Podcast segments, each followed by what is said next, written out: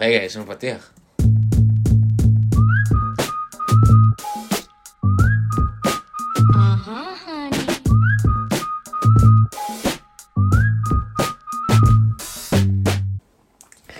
אוקיי, אז יש לנו פתיח נדיר.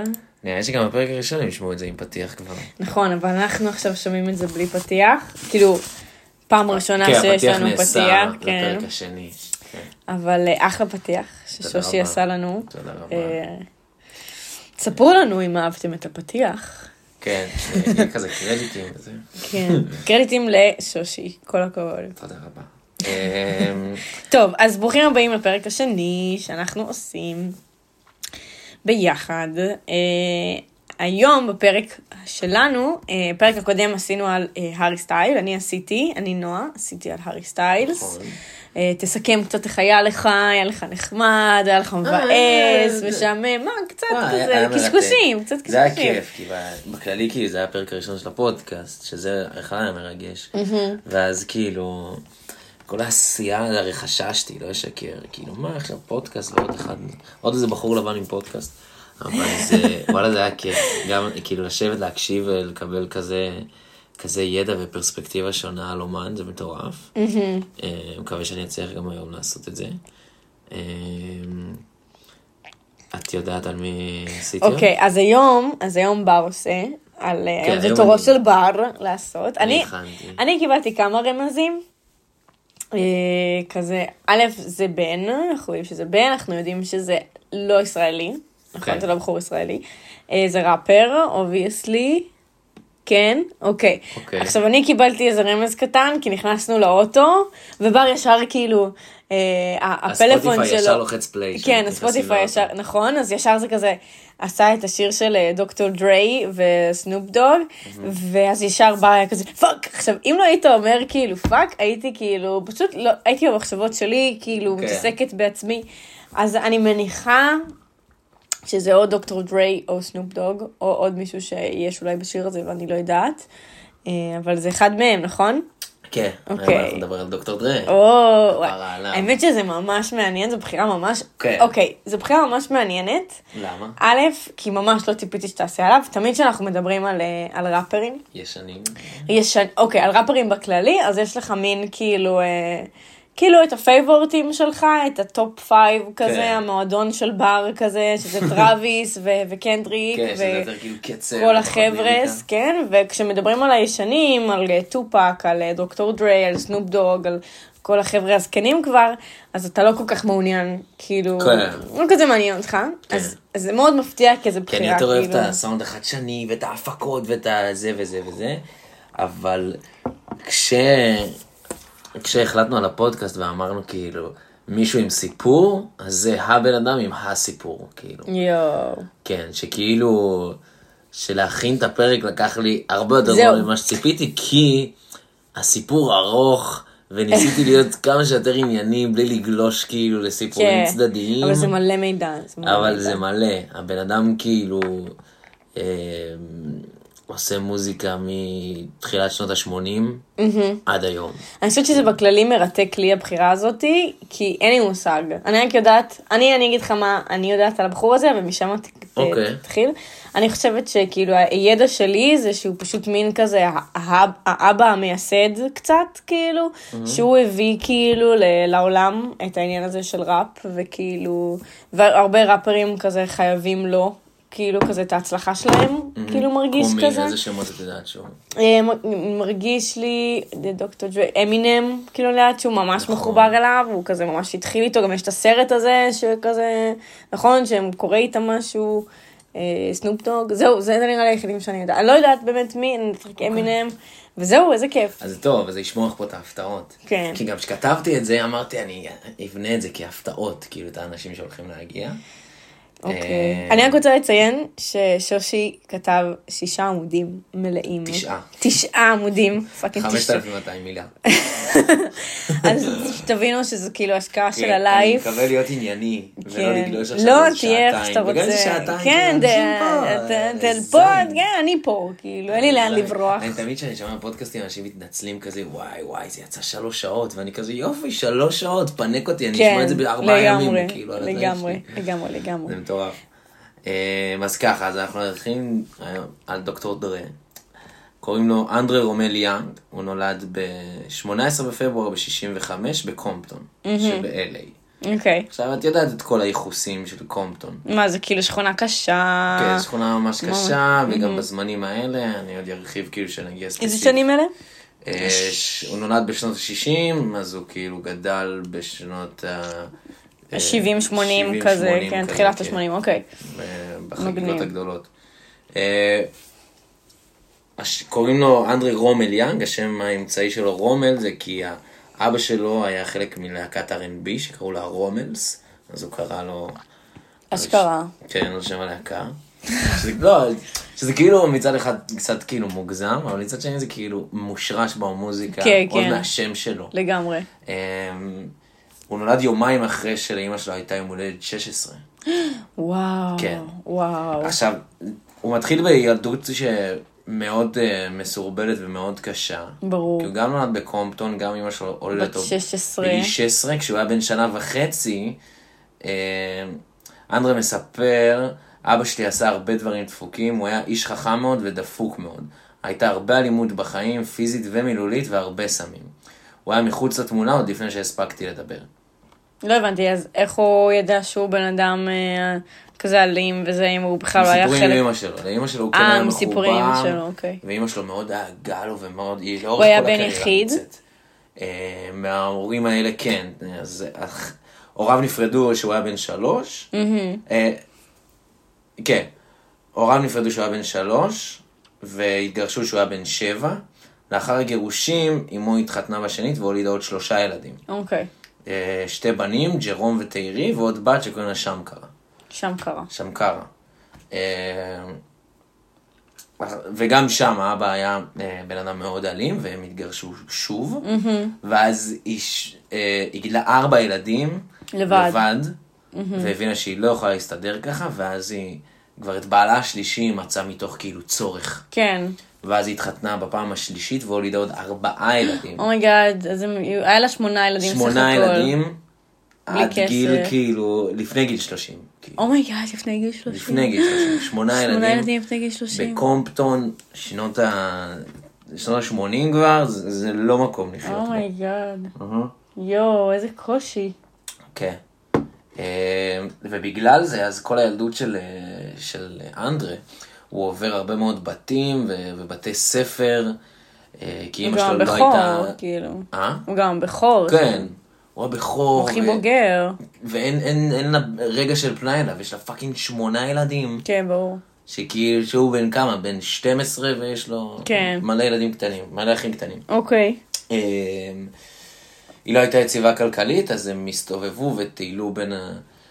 בין השכונות, אה, בין הבתים בתוך השכונה, והיא כל הזמן ניסתה לשפר את חיי ילדיה בתוך השכונות.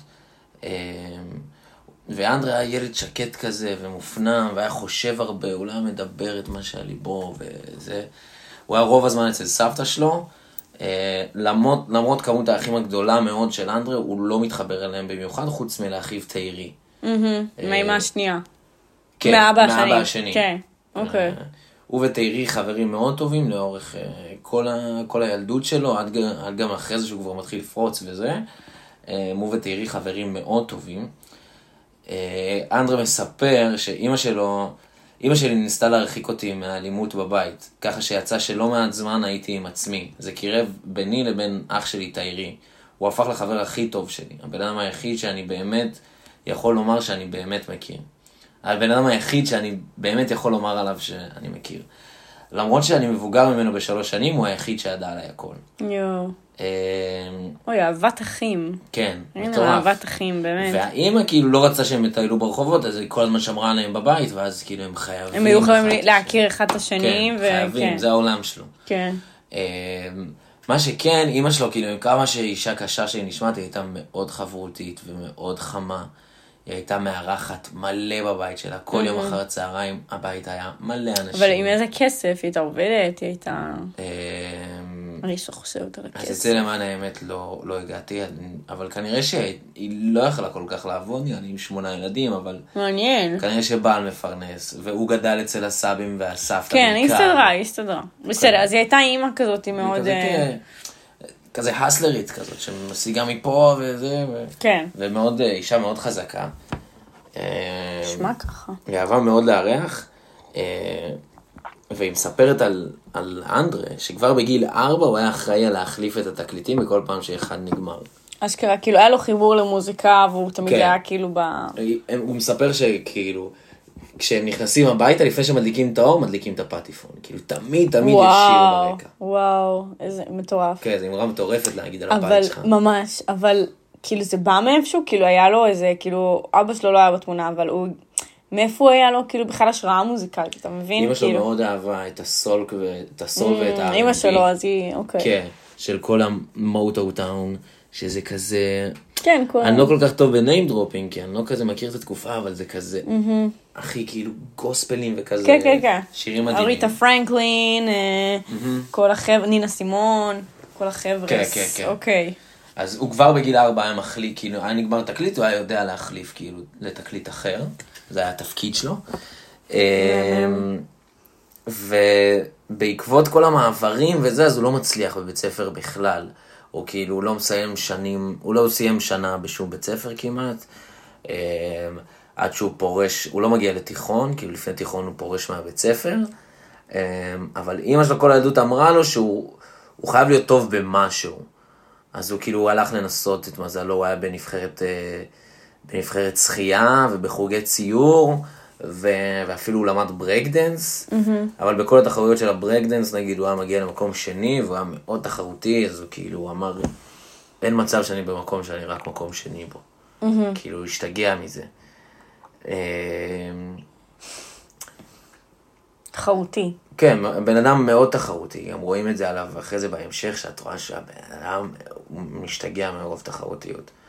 בתחילת שנות ה-80, המועדון Eve After Dark היה המועדון הכי חזק לצעירים של קומפטון. הוא היה בערך בן 20 בגיל הזה, עדיין לא. תחילת שנות ה... אם הוא נולד ב-60... הוא נולד ב-65. אה, אוקיי, 15 כזה, כן, הוא בין איזה 15-16. אוקיי, סבבה. כי אה, זה היה של הצעירים, כל יום שבת אה, בחורות ובחורים מעל גיל 18 היו מגיעים למועדון, וכולם היו מגיעים לבושים טייט, והיו באים לראות כאילו די-ג'אים. Mm-hmm. שזה כאילו מתחיל בתחילת שנות ה-80, במקום להקה שמנגנת כל הערב, יש די-ג'יי שמנגן את כל הלהיטי מועדונים שהם אוהבים. ואז גם מתחילה הסצנה של וזה היה כאילו קטע מטורף, לא היה דבר כזה קודם, כאילו מועדונים שיש די-ג'יי ולא כאילו להקה. כל זה היה משהו חדש. ועוד שיש שחתי. כאילו, שהוא נשלט על ידי קהילה שחורה, כן. וגם שזה 18 פלוס, ארצות הברית. אני מבינה שזה גם כאילו... למה? לפני זה לא היה 18 פלוס. היה 21. זה בטוח? כן. אוקיי. למועדונים ולשתייה וזה, ואז okay. כאילו... אוקיי. אז בעצם במועדון שהוא היה כאילו, זה היה ההנג כאילו שהם היו הולכים אליו. Mm-hmm. היו הולכים אליו, הוא בן איזה 15-16 פה, כן, אמרנו קודם, כן, כן, אז כאילו מעל גיל 18 היו מתלבשים יפה נכנסים. אה, הוא היה הולך גם. כן, ואז הוא, הבן דוד שלו היה והוא לא היה בגיל להיכנס, והבן דוד של אנדרה היה מאבטח בכניסה, mm. ואז הוא הכניס אותו איזה ערב אחד, ושם הוא ראה הופעה של אה, קריס בלואו, קרטיס בלואו, שהוא היה אחד מהראשונים בהיפ-הופ. ההיפ-הופ הרי... זה לא שהוא היה מהחלוצים. אוקיי. אוקיי. הוא כן היה מהחלוצים, אבל הוא לא מהממציאים של ההיפ-הופ. ההיפ-הופ התחיל בניו יורק, mm-hmm. התחיל להשתלט על הזה, אבל זה היה יותר כזה היפידי הופי. זהו, זהו. שידי וידי וידי באתי להגיד שאני לא חושבת שהוא היה...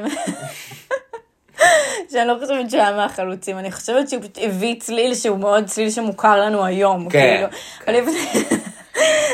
אז זהו, אז זה היה כזה... לפני זה זה היה כאילו ראפ נורא, כאילו ראפ נורא. חיתולים כזה. זה היה כאילו, היה ביטים במועדון, זה, זה כן היה קטע, גם לא ביטים כמו שאנחנו מכירים היום, זה יותר כזה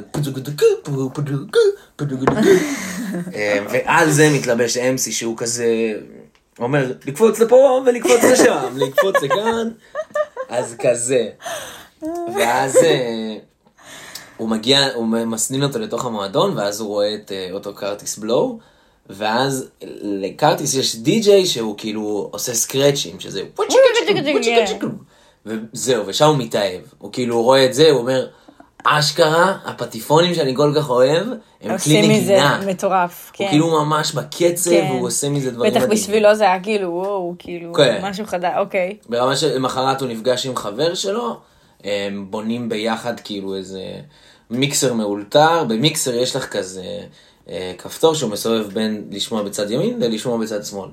אז הם עושים שצד ימין זה תקליט אחד, צד שמאל זה תקליט אחר, וככה הוא מחליף ביניהם והם- ושורט את הפטיפונים, והוא עף על זה. איזה, איזה תקופה אחרת, אה? כאילו, תחשוב איזה כאילו כל כך שטות, כאילו זה כזה, אתה מבין מה זה בשביל היום? זה או כלום, כאילו, זה כאילו. כלום בשביל היום, וזה היה שנות ה-80, כאילו, כמה זמן עבר משנות תחילת ה-80? ה-שמונים. 40 שנה? כן. כאילו, זה, זה מטורף, מטורף. זה לא כזה הרבה 40 שנה. זה מטורף. יש פה מלא רגעים שאת אומרת, כאילו, בסיפור שלו, איך...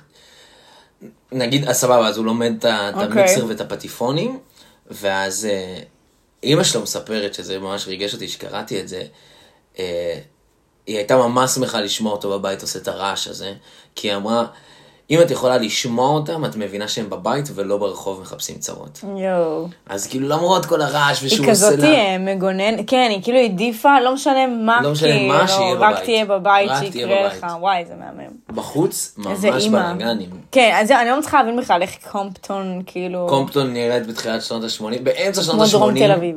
זה כבר רע. פנדמיק. אה, שכבר, מה זה קראק פנדמיק? אוקיי, תחילת שנות ה-80, יש את הפנתרים השחורים, שזו קבוצה חברתית כזאת שרוצה לתת את ה-Black Power, כן. אה, שה-FBI פשוט מחסל, נכנס למשרדים שלה, מחרב הכל, עוצר את כל הראשים, וככה נגמרת התנועה של הפנתרים כן. השחורים. אה, כתגובה מתחילות הכנופיות בתוך Mm. קומפטון, מתחילים, וואי, אני לא זוכר אם הבלאד או הקריפס קודם. נראה לי שהקריפס, מוקמת הקריפס, הכנופיה, שהיא גם כאילו איזה כוח אה, מחאתי, ואז כדי להשיג כספים, אז הם מתעסקים בסמים ובסחר כן. ובזה, ואז זה כבר הופך להיות כנופיה, כמו שאנחנו יודעים היום, של רצח וסמים וזה. אה, והיה שם כל כך הרבה בלאגנים בתוך הקריפס, שהם, והם לבשו כחולים, זה מה שייצג אותם. אה, ואז אנשים שהסתכסכו שם בתוך הקריפס וזה, יצאו מהקריפס והקימו כנופיה חדשה, קוראים לה בלודס. שהם לבשו אדום וזה, ו... לבשו אדום. כן, ואז זה- היה. באמת כאילו, ברמה שאם היית הולך עם כובע כחול, היה ילד שהלך עם כובע. כחול באזור של הבלאץ לא. וירו בו למוות. וואו, איזה פחד. כזאת רמה. איזה פחד. הבלאדס כאילו גילו שאפשר לקחת את הקוקאין, כמו שכולם אוהבים, ולעשות גרסה יותר זולה שלו. ש... שזה הקריסטל. ששורפים, שזה, שזה קראק. הקראק. כן. ואז כאילו התחילה ה crack pandemic, תוך חצי שנה מספר ההרוגים מקראק כאילו OD. שילש את עצמו. כל האוברדוז. OD, כן, ואנשים הולכים ברחוב, כאילו איבדו את הכל, מכרו את כל, את כל הרכוש שלהם בשביל הקראק. כן. אנשים כאילו מתים ברחוב רק מלהסתכל על אנשים, נשדדים, הכל כאילו, יואו, באמת יואו, יואו. מחריד ברחוב, אז אוקיי. היא שומרת עליהם ממש בבית. אוקיי. והוא בינתיים בבית שלו מתאמן לו. הוא בבית מתאמן וויקי על ה... הוא עף על הוויקי וויקי הזה. אמא שלו גם עפה על זה שהוא עף על זה ברמה כזה שב Christmas היא קונה, קונה לו מיקסר שהוא יותר מקצועי. שהוא יכול לה, להקליט ממנו קלטות. הוא יכול להקליט ממנו מיקסטייפים. כן. כאילו, שהוא לוקח כאילו שיר מהתקליט הזה, שיר מהתקליט הזה. ומצליח כאילו למקסס. למקס... כן, הוא שם אותם אחד אחרי השני, כן. ואז במקום שבבית תחליפי זה, את יכולה אשכרה לשים בבום, זה כאילו חדשני. כן. את שמה ב boombox שלך, שאת מסתובבת ככה עם boombox יואו, ענק על fucking הכתף. boombox מטורף. וכאילו, ואת שומעת את, את השירים שאת אוהבת, כאילו ב full כן. volume בחוץ, כן. או ברכב, כן. איזה אחות אימא שלו באמת. מטורף. כן. אה, באותם ימים, ברחוב ממול, ב, ב, בבתים, בבית ממול, לאנדרה יש שכן שקוראים לו אריק רייט. אה, כולם כינו אותו איזי אי. את אוקיי. כן. אה, הוא היה בגיל של אנדרי, הם היו חברים טובים, אה, ואיזי היה כזה, הוא היה בן 16 שהיה כבר מתעסק בסמים, כאילו, שתביני כאילו את המצב. כן. כן. שאנדרי כאילו ממש היה ילד טוב וברח מזה וזה. ואיזי מארגן פעם אחת מסיבה בחצר, כדי, כי הוא, איזי גם היה גאון עסקי, עם כמה שכאילו זה, הוא היה הסלר שחבל על הזמן, הוא היה מארגן מסיבות כדי למכור הרבה יותר סמים. אה, ילד בן 16. כן. מארגן מסיבות אצלו בחצר, דרי היה מנגן, אה, וכל הילדים של השכונה פתאום שמעו כאילו איזה מטורף הוא.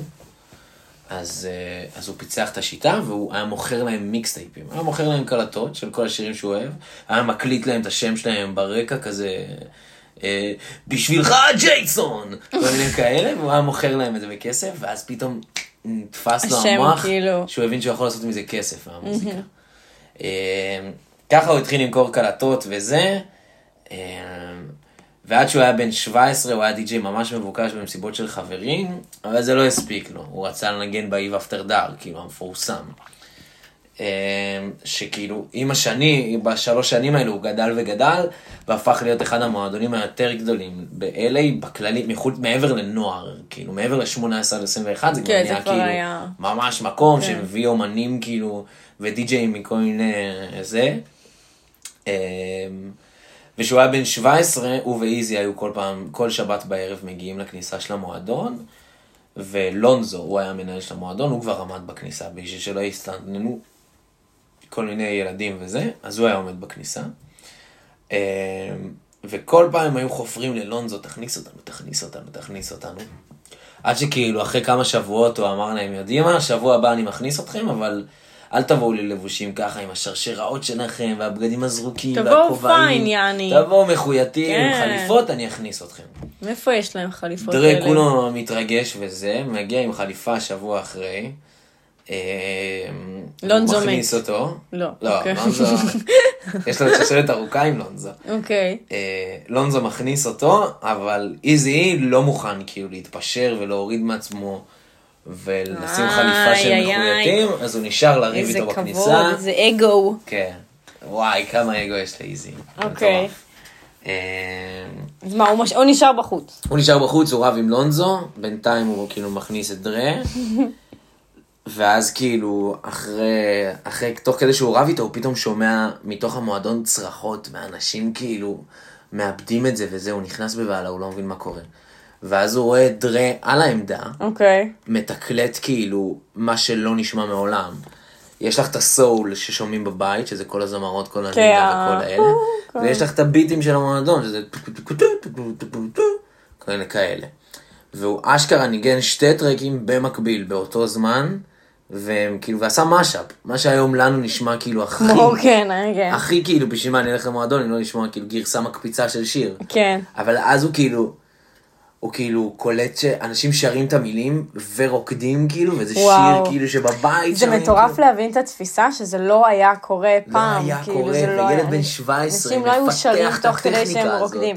זה מטורף, מטורף. ואז אנשים כאילו צורכים. אנשים כאילו. לא מבינים מה, איך הגוף שלהם, כאילו, מה קורה להם בגוף. כן. הם רגילים סתם כמו להיות במסיבת תחשוב טכנו פיקוסים ש- ותמנותק. זהו, שאני לא חושבת שזה משהו שיכול לקרות עכשיו, כאילו שפתאום איזה די.ג'יי עולה לך והוא שם לך משהו כל כך כאילו מטורף שכולם מסתכלים ואומרים כאילו מה זה, מה זה הדבר הזה, כאילו כן, אז כן, כבר קשה להפתיע אותנו, כבר קשה שמענו להפתיע, הכל. בדיוק, שמענו הרבה כבר, ופה כן. מביא דבר שהוא כל כך פשוט, כאילו. גם היה לי את השמות של הזה, אבל לא הכרתי אותם, אז אמרתי, אני אפילו לא... אה, חבל. אוקיי. פיירמן זה היה אחד השירים, והביטים, אני לא זוכר מה זה היה ביט. אוקיי. לא משנה, הוא שם את זה, ואז לונזו אמר כאילו שזה היה אחד... רגעים. shit was crazy. שיט was crazy. shit was crazy. אה, Those ואז הוא. אוטומטית במקום הוא תופס את דרה מת מפחד שהוא כאילו בא להעיף אותו, אומר לו, תקשיב, אני מחתים אותך להיות ה resident. oh my god, כאילו, Oh צריך לקחת risk בחיים, כן. אה? צריך פשוט. ואז אה, דרה, כאילו ואז באותו ערב הוא, הוא מחליט שהשם במה שלו זה דוקטור ג'יי, ואז כבר עד הבוקר הוא כבר משנה את זה לדוקטור דריי. איך איך הוא הגיע לזה? דוקטור ג'יי, ג'יי זה היה על שם, וואו, איזה דמות אה, מסף, מס, מהטלוויזיה שהוא אהב. וואי, ברח לי השם שלו ולא כתבתי, כי אמרתי זה יהיה הכי לא מעניין. אוקיי. אבל כאילו, ואז הוא החליף. לדוקטור דריי. למה? מאיפה הגיע לדריי? דריי זה השם שלו, אנדרי. אנדריי, נכון. ואז כאילו דריי. כי אוקיי, דוקטור כאילו, דריי. היו קוראים לו nice, ואז דוקטור. nice. אה, הדוקטור. כן, עכשיו, ללונזו במועדון, אה, דריי מצטרף לחבורה של עוד ארבעה די-ג'אים שיש לו במועדון, אוקיי. שהם הם קוראים לעצמם World Wrecking Crew, שזה כאילו שהם הקרו שהורסים, כי הם כאילו במסיבות שלהם תמיד כל המקום היה נהרס ונשבר ו- ומתפחלץ, ו... אז אה, ככה הם קראו לעצמם. אה. בסדר, יש עריכות גם. אז ככה הם אה, קראו לעצמם, ו... ואז דרה פתאום מצא לו בית להיות בו, כאילו, כי היה, מאחורי המועדון היה להם אולפן, ששם הם היו יושבים אה, חמישתם. אה, זה היה כאילו, היה שם כמה אנשים, אבל הקריטים שנשארו לנו במודעות זה דרה ודי.ג'יי יאלה. אוקיי. אה, הם שניהם יושבים, הם הפכו להיות חברים ממש טובים, הם היו יושבים כל יום באולפן מוזיקה של, של לונזו שהיה לו מאחורי המועדון, והם למדו לייצר מוזיקה. ודרה היה פרפקציוניסט, והוא רצה שזה יישמע ברמה עולמית ולא משהו חובבני. כאילו הם עשו, יש את הז'אנר של הביטים למועדון, אז את זה הם היו עושים ומכניסים כאילו, get up and dance, כל מיני כאלה. We invited you, כל מיני כאלה. זה, באמת, זה נשמע כזה מצועצע. אה, ואז ב-85 הם הוציאו אה, אלבום מועדונים, שכלל כמה להיטים גדולים שהתנגנו בתחנות הרדיו במועדונים השחורים, בכל החוף המערבי. יש משהו שאנחנו מכירים? לא. לא. כי זה כזה, זה רק ביטים כזה בעיקר, גם שמעתי את השירים, זה כזה, אחד מהם זה ג'וס ואחד מהם זה ווינגס, אבל זה, זה לא שיש מילים על זה, אוקיי. יותר מכונות תופים וסינתסייזרים, זה די אינסטרומנטלי וכאילו הם מבלבלים את המוח כזה. ואז לונזו, לונזו מספר שהוא באמת, הוא בן אדם שהצחיק אותי כל כך לקרוא את הריאיון איתו. הוא מספר שהמסיבות היו כל כך חמות שהם היו מביאות את הבחורות הכי שוות בכל החוף המערבי אליהן. יואו. ובגללן לא יכולנו להפסיק עם המסיבות. Because those bitches, we can't stop party. מצחיק רצח.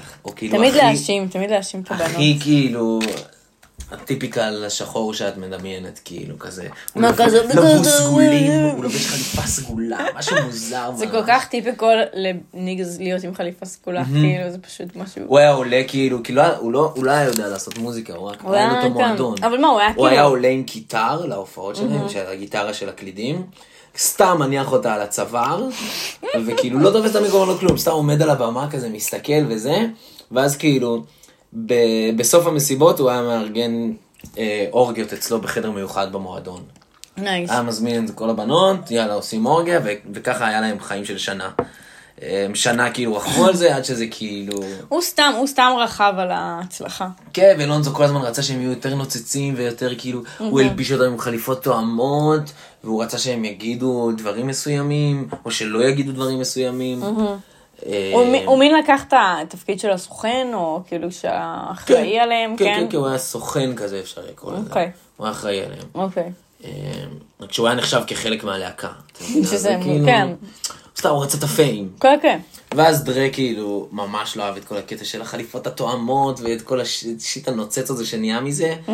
איך- ואז הוא פשוט הוא עזב, ואז קורה שדרה הוא בגיל 21, הוא עשה אלבום שכבר כאילו מושמע בכמה מקומות, אין לו איזה, השם שלו לא חתום עליו, כאילו הוא חתום עליו אבל לא יודעים שזה הוא, הוא כאילו הוא חלק מי. אה, ואז הוא מתחיל לחפש לו סאונד משלו, כי הוא רצה להיות מקצועי ומיוחד. אוקיי. אז הוא לוקח את uh, צלילי העבר שלו, שהם ה-R&B והסול, ומחבר אותם לצלילי ההיפ-הופ שהגיעו מניו יורק ובישרו על העתיד של המוזיקה. אז הוא מחבר מהעבר אל העתיד, כאילו. Mm. ואז שהוא בן 21, ב-86, יושבים באולפן דרה ואיזי אי, עם כוונה לייצר את הסאונד החדש הזה שהעולם עוד לא שמע. דרה מכין ביט מיוחד במינו, וחבר משותף שלהם בשם אייסקיוב, כתב להם מילים. אייסקיוב, אייסקיוב. שמאיפה את מכירה את אייסקיוב? אוקיי, אייסקיוב. הוא ה angry nigger ב-21 Jump Street מ-Jump Street. ו-22 Jump Street. אז זהו, שגם כשראיתי רעיונות איתו, הוא אומר כאילו, אנשים מגיל 20 ומטה מכירים אותי כשחקן קולנוע, ואנשים מגיל 20 ומעלה מכירים אותי כגנגסטר רצחני, כאילו, כן. מאותה תקופה. זה כן, מצחיק. כן. לא, אבל הוא חתיכת אנגרי מודפוקר. וואי, הוא מצחיק, הוא הוא מצחיק. שחקן גם מעולה, עם שלוש נקודות האייקון. כן.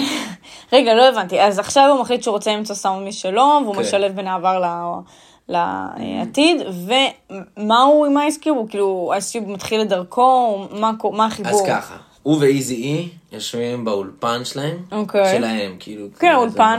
יושבים באיזה אולפן, אמ, דרה יודע להכין ביטים, ואיזי אי פשוט אוהב את הביטים שהוא מכין, אבל אף אחד מהם לא ראפר, את מבינה? אה, אז דוקטור דרי לא היה ראפר. עדיין, עדיין אין ראפר בתמונה. אוקיי. יש את שניהם, הם רק אה, ביטים. ועדיין אין ראפר בתמונה. אוקיי. יש להם חבר משותף מהשכונה שקוראים לו אייסקיוב. אייסקיוב, שזה שם מעולה. כן. כאילו, ואז הוא כתב להם את המילים לשיר, הוא הביא להם פשוט מחבר, הוא היה כותב מחברות כאילו עם שירים, שירי ראפ. זה עדיין לא היה כאילו שירי ראפ, מבחינתו זה היה סתם כאילו כן. שירים. אה, הוא מביא להם את השירים, דרה ואיזי לא יודעים לרפרפ, הם יושבים שניהם באולפן והם כאילו, כאילו, מה, מה אנחנו עושים עם זה? זה, כאילו, כן. מי, אני לא, דרה אומר, אני לא מתכוון לשיר, אחרי זה כאילו, אה, דרה אומר שזה לקח שעתיים של לשכנע כאילו את איזי, הוא, איזי מתחיל לנסות, מחליט לנסות, ו... ו...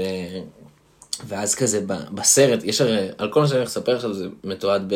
מתועד, זה כזה משוחזר בסרט של הישר מקומפטון, straight out of קומפטון. ושם יש סצנה איקונית רצח שפשוט איזי ככה שם משקפיים, מכבה את האור, הוא נכנס כזה למוד של, ה... של, ה... של הראפר, ואז כאילו דרי יושב איתו כל הלילה וזה, ואז הם מקליטים את השיר. אה, מקליטים את שמה, The Boys ש- in the Hood. אוקיי, ואיזי איזי שר כאילו. כן. איזי אוקיי. בסוף מרפרפ על זה. אוקיי.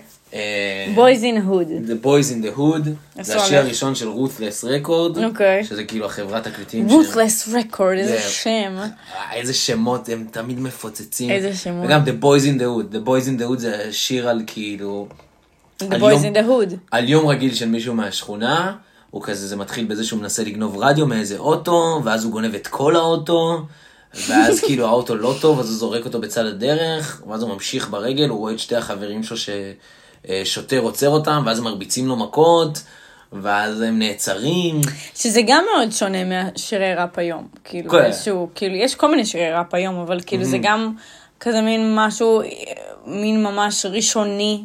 כן. של שיר ראפ, כאילו שזה בעצם סוג של סיפור, למרות שיש הרבה סיפורים בראפ, אבל כאילו, תמיד אני אומרת, זה גם איזה משהו חדש, כאילו, שעכשיו הוא כזה, אין אותו, כן. גם מה. שעוד יותר מחודש זה שכשהיו ראפרים שהם כזה, כן הניצנים של gangster rap, של ראפרים שמספרים מה קורה בשכונות, Mm. אבל זה היה יותר בצעקות וכזה, אני יורק פה כל אחד, אני מזיין את הזונות. כן, זה לא כזה, ואז כאילו מגיע איזה איזי אחד שהוא לא ראפר, אז הוא לא יודע לראפר באמת. ואז הוא עושה, אבל הוא אוקיי. כן סוחר סמים והוא כן, את מרגישה, איך שהוא מס- איך שהוא מגיש זה לך את in his השיר הזה, blood, זה in his blood. כן, את מרגישה שזה באמת היה היום בחיים שלו. כן, בדיוק. שכאילו לא ממציא עכשיו, כאילו זה באמת היום בחיים שלו. אה, וואי, שוש, אין מה לעשות שאנחנו שנינו עושים ראפ, אה, שנינו עושים פודקאסט על על אנשים שחורים, אנחנו פשוט נשמעים לבנים. כן, אין אין מנוס מזה. אין מנוס מזה. אין מנוס. כאילו גם... אה, הכי ווייט. היום- היום השתעשעתי. וכאילו כל פעם שאני כזה, אני כותב פה הרבה את המילה כושי או ניגז ואני כזה, מה נגיד את זה? ואז כזה ברור שנגיד את זה, אנחנו לא בארצות הברית, כאילו שיפסלו אותנו על זה. כן. אה, וגם אנחנו לא מזלזלים באף אחד. אנחנו כן, לא- אנחנו כאילו- הכי מרימים. איך פעם קנדריק אמר? every nigga is a star. לא, אבל גם, זה לא משנה, גם אם אנחנו הכי נזלזל או הכי נעריך, אנחנו כאילו הכי, הכי לבנים. הכי ילדים לבנים שעושים פודקאסט כן. על אנשים שחורים, כאילו, אין מה לעשות, כאילו, אבל בסדר, לפחות זה כאילו ב good vibes שאנחנו כאילו, ברור. עפים עליהם ומעריכים אותם, והם יודעים שהם. מוסיף, מעריצים, מעריצים. אוקיי, בקיצור, איזי אוקיי, מתחיל הם- לשיר. הם מקליטים את השיר הזה, זה השיר הראשון ברוטלס רקורד. ב-87 הם מוציאים אותו כסינגל, כאילו כתקליט קטן. הם קונים עשרת אלפים בשבעת אלפים דולר. מה אוקיי. שכאילו זה עסקה סבבה לגמרי, גם להיום. אבל איזי לא אוהב. להוציא את כל כסף? ה... כן, הוא חושב שעוקצים אותו, אז הוא פורץ למפעל של התקליטים, גונב את התקליטים, לא משלם להם 7,000 דולר כי הוא אומר כאילו גנבו את התקליטים. הם מקליטים את זה לקלטות, אוקיי? ואז הוא מחלק כאילו, כל מי שהוא מכר לו סמים הוא גם נתן לו קלטת. ואז ככה הוא מפיץ את הבשורה של רוטלס רקורדס, אוקיי. ובחינם pretty smart. אין כסף. כן. ואז כאילו, אה, ואז הוא. מוכר את האלבומים, ואז כבר כאילו יש ביקוש לאלבומים, ואז הוא מתחיל, אה, אה, כאילו תוך מספר חודשים, השיר הפך ללהיט, ועשרת אלפים העותקים נמכרו במספר חודשים, בשלושה ארבעה חודשים. ההצלחה המפתיעה של השיר גרמה לדרי להבין שהם צריכים להוסיף עוד אנשים ללייבל ולעשות עוד מוזיקה כזאת, כי שיר אחד לא יספיק. אה, אליו ולאיזי הצטרפו אייסקיוב, די.ג'יי ילה, והרביאן פרינס ו-MC רן. אוקיי? הם ביחד אה, היו הרכב בתוך Ruthless Record. אוקיי. ואז הם חשבו, כאילו הם עשו מוזיקה ותוך כדי חשבו על, אה, על שם. והשם שהם אה, החליטו עליו היה NWA. ש-NWA זה ראשי תיבות של niggas with attitude. אוקיי, עכשיו באותם זמנים, איזה fucking genius. תחשבי שזה הזמנים שהם בדיוק התפר של כאילו, לא politically correct עדיין, אבל זה כן כאילו, niggas עדיין מזוהה. כמילה כ- שלא אומרים. כמילת גנאי של ה-KKK. לא אומרים, כאילו, כן, כן, לא אומרים את החרא הזה.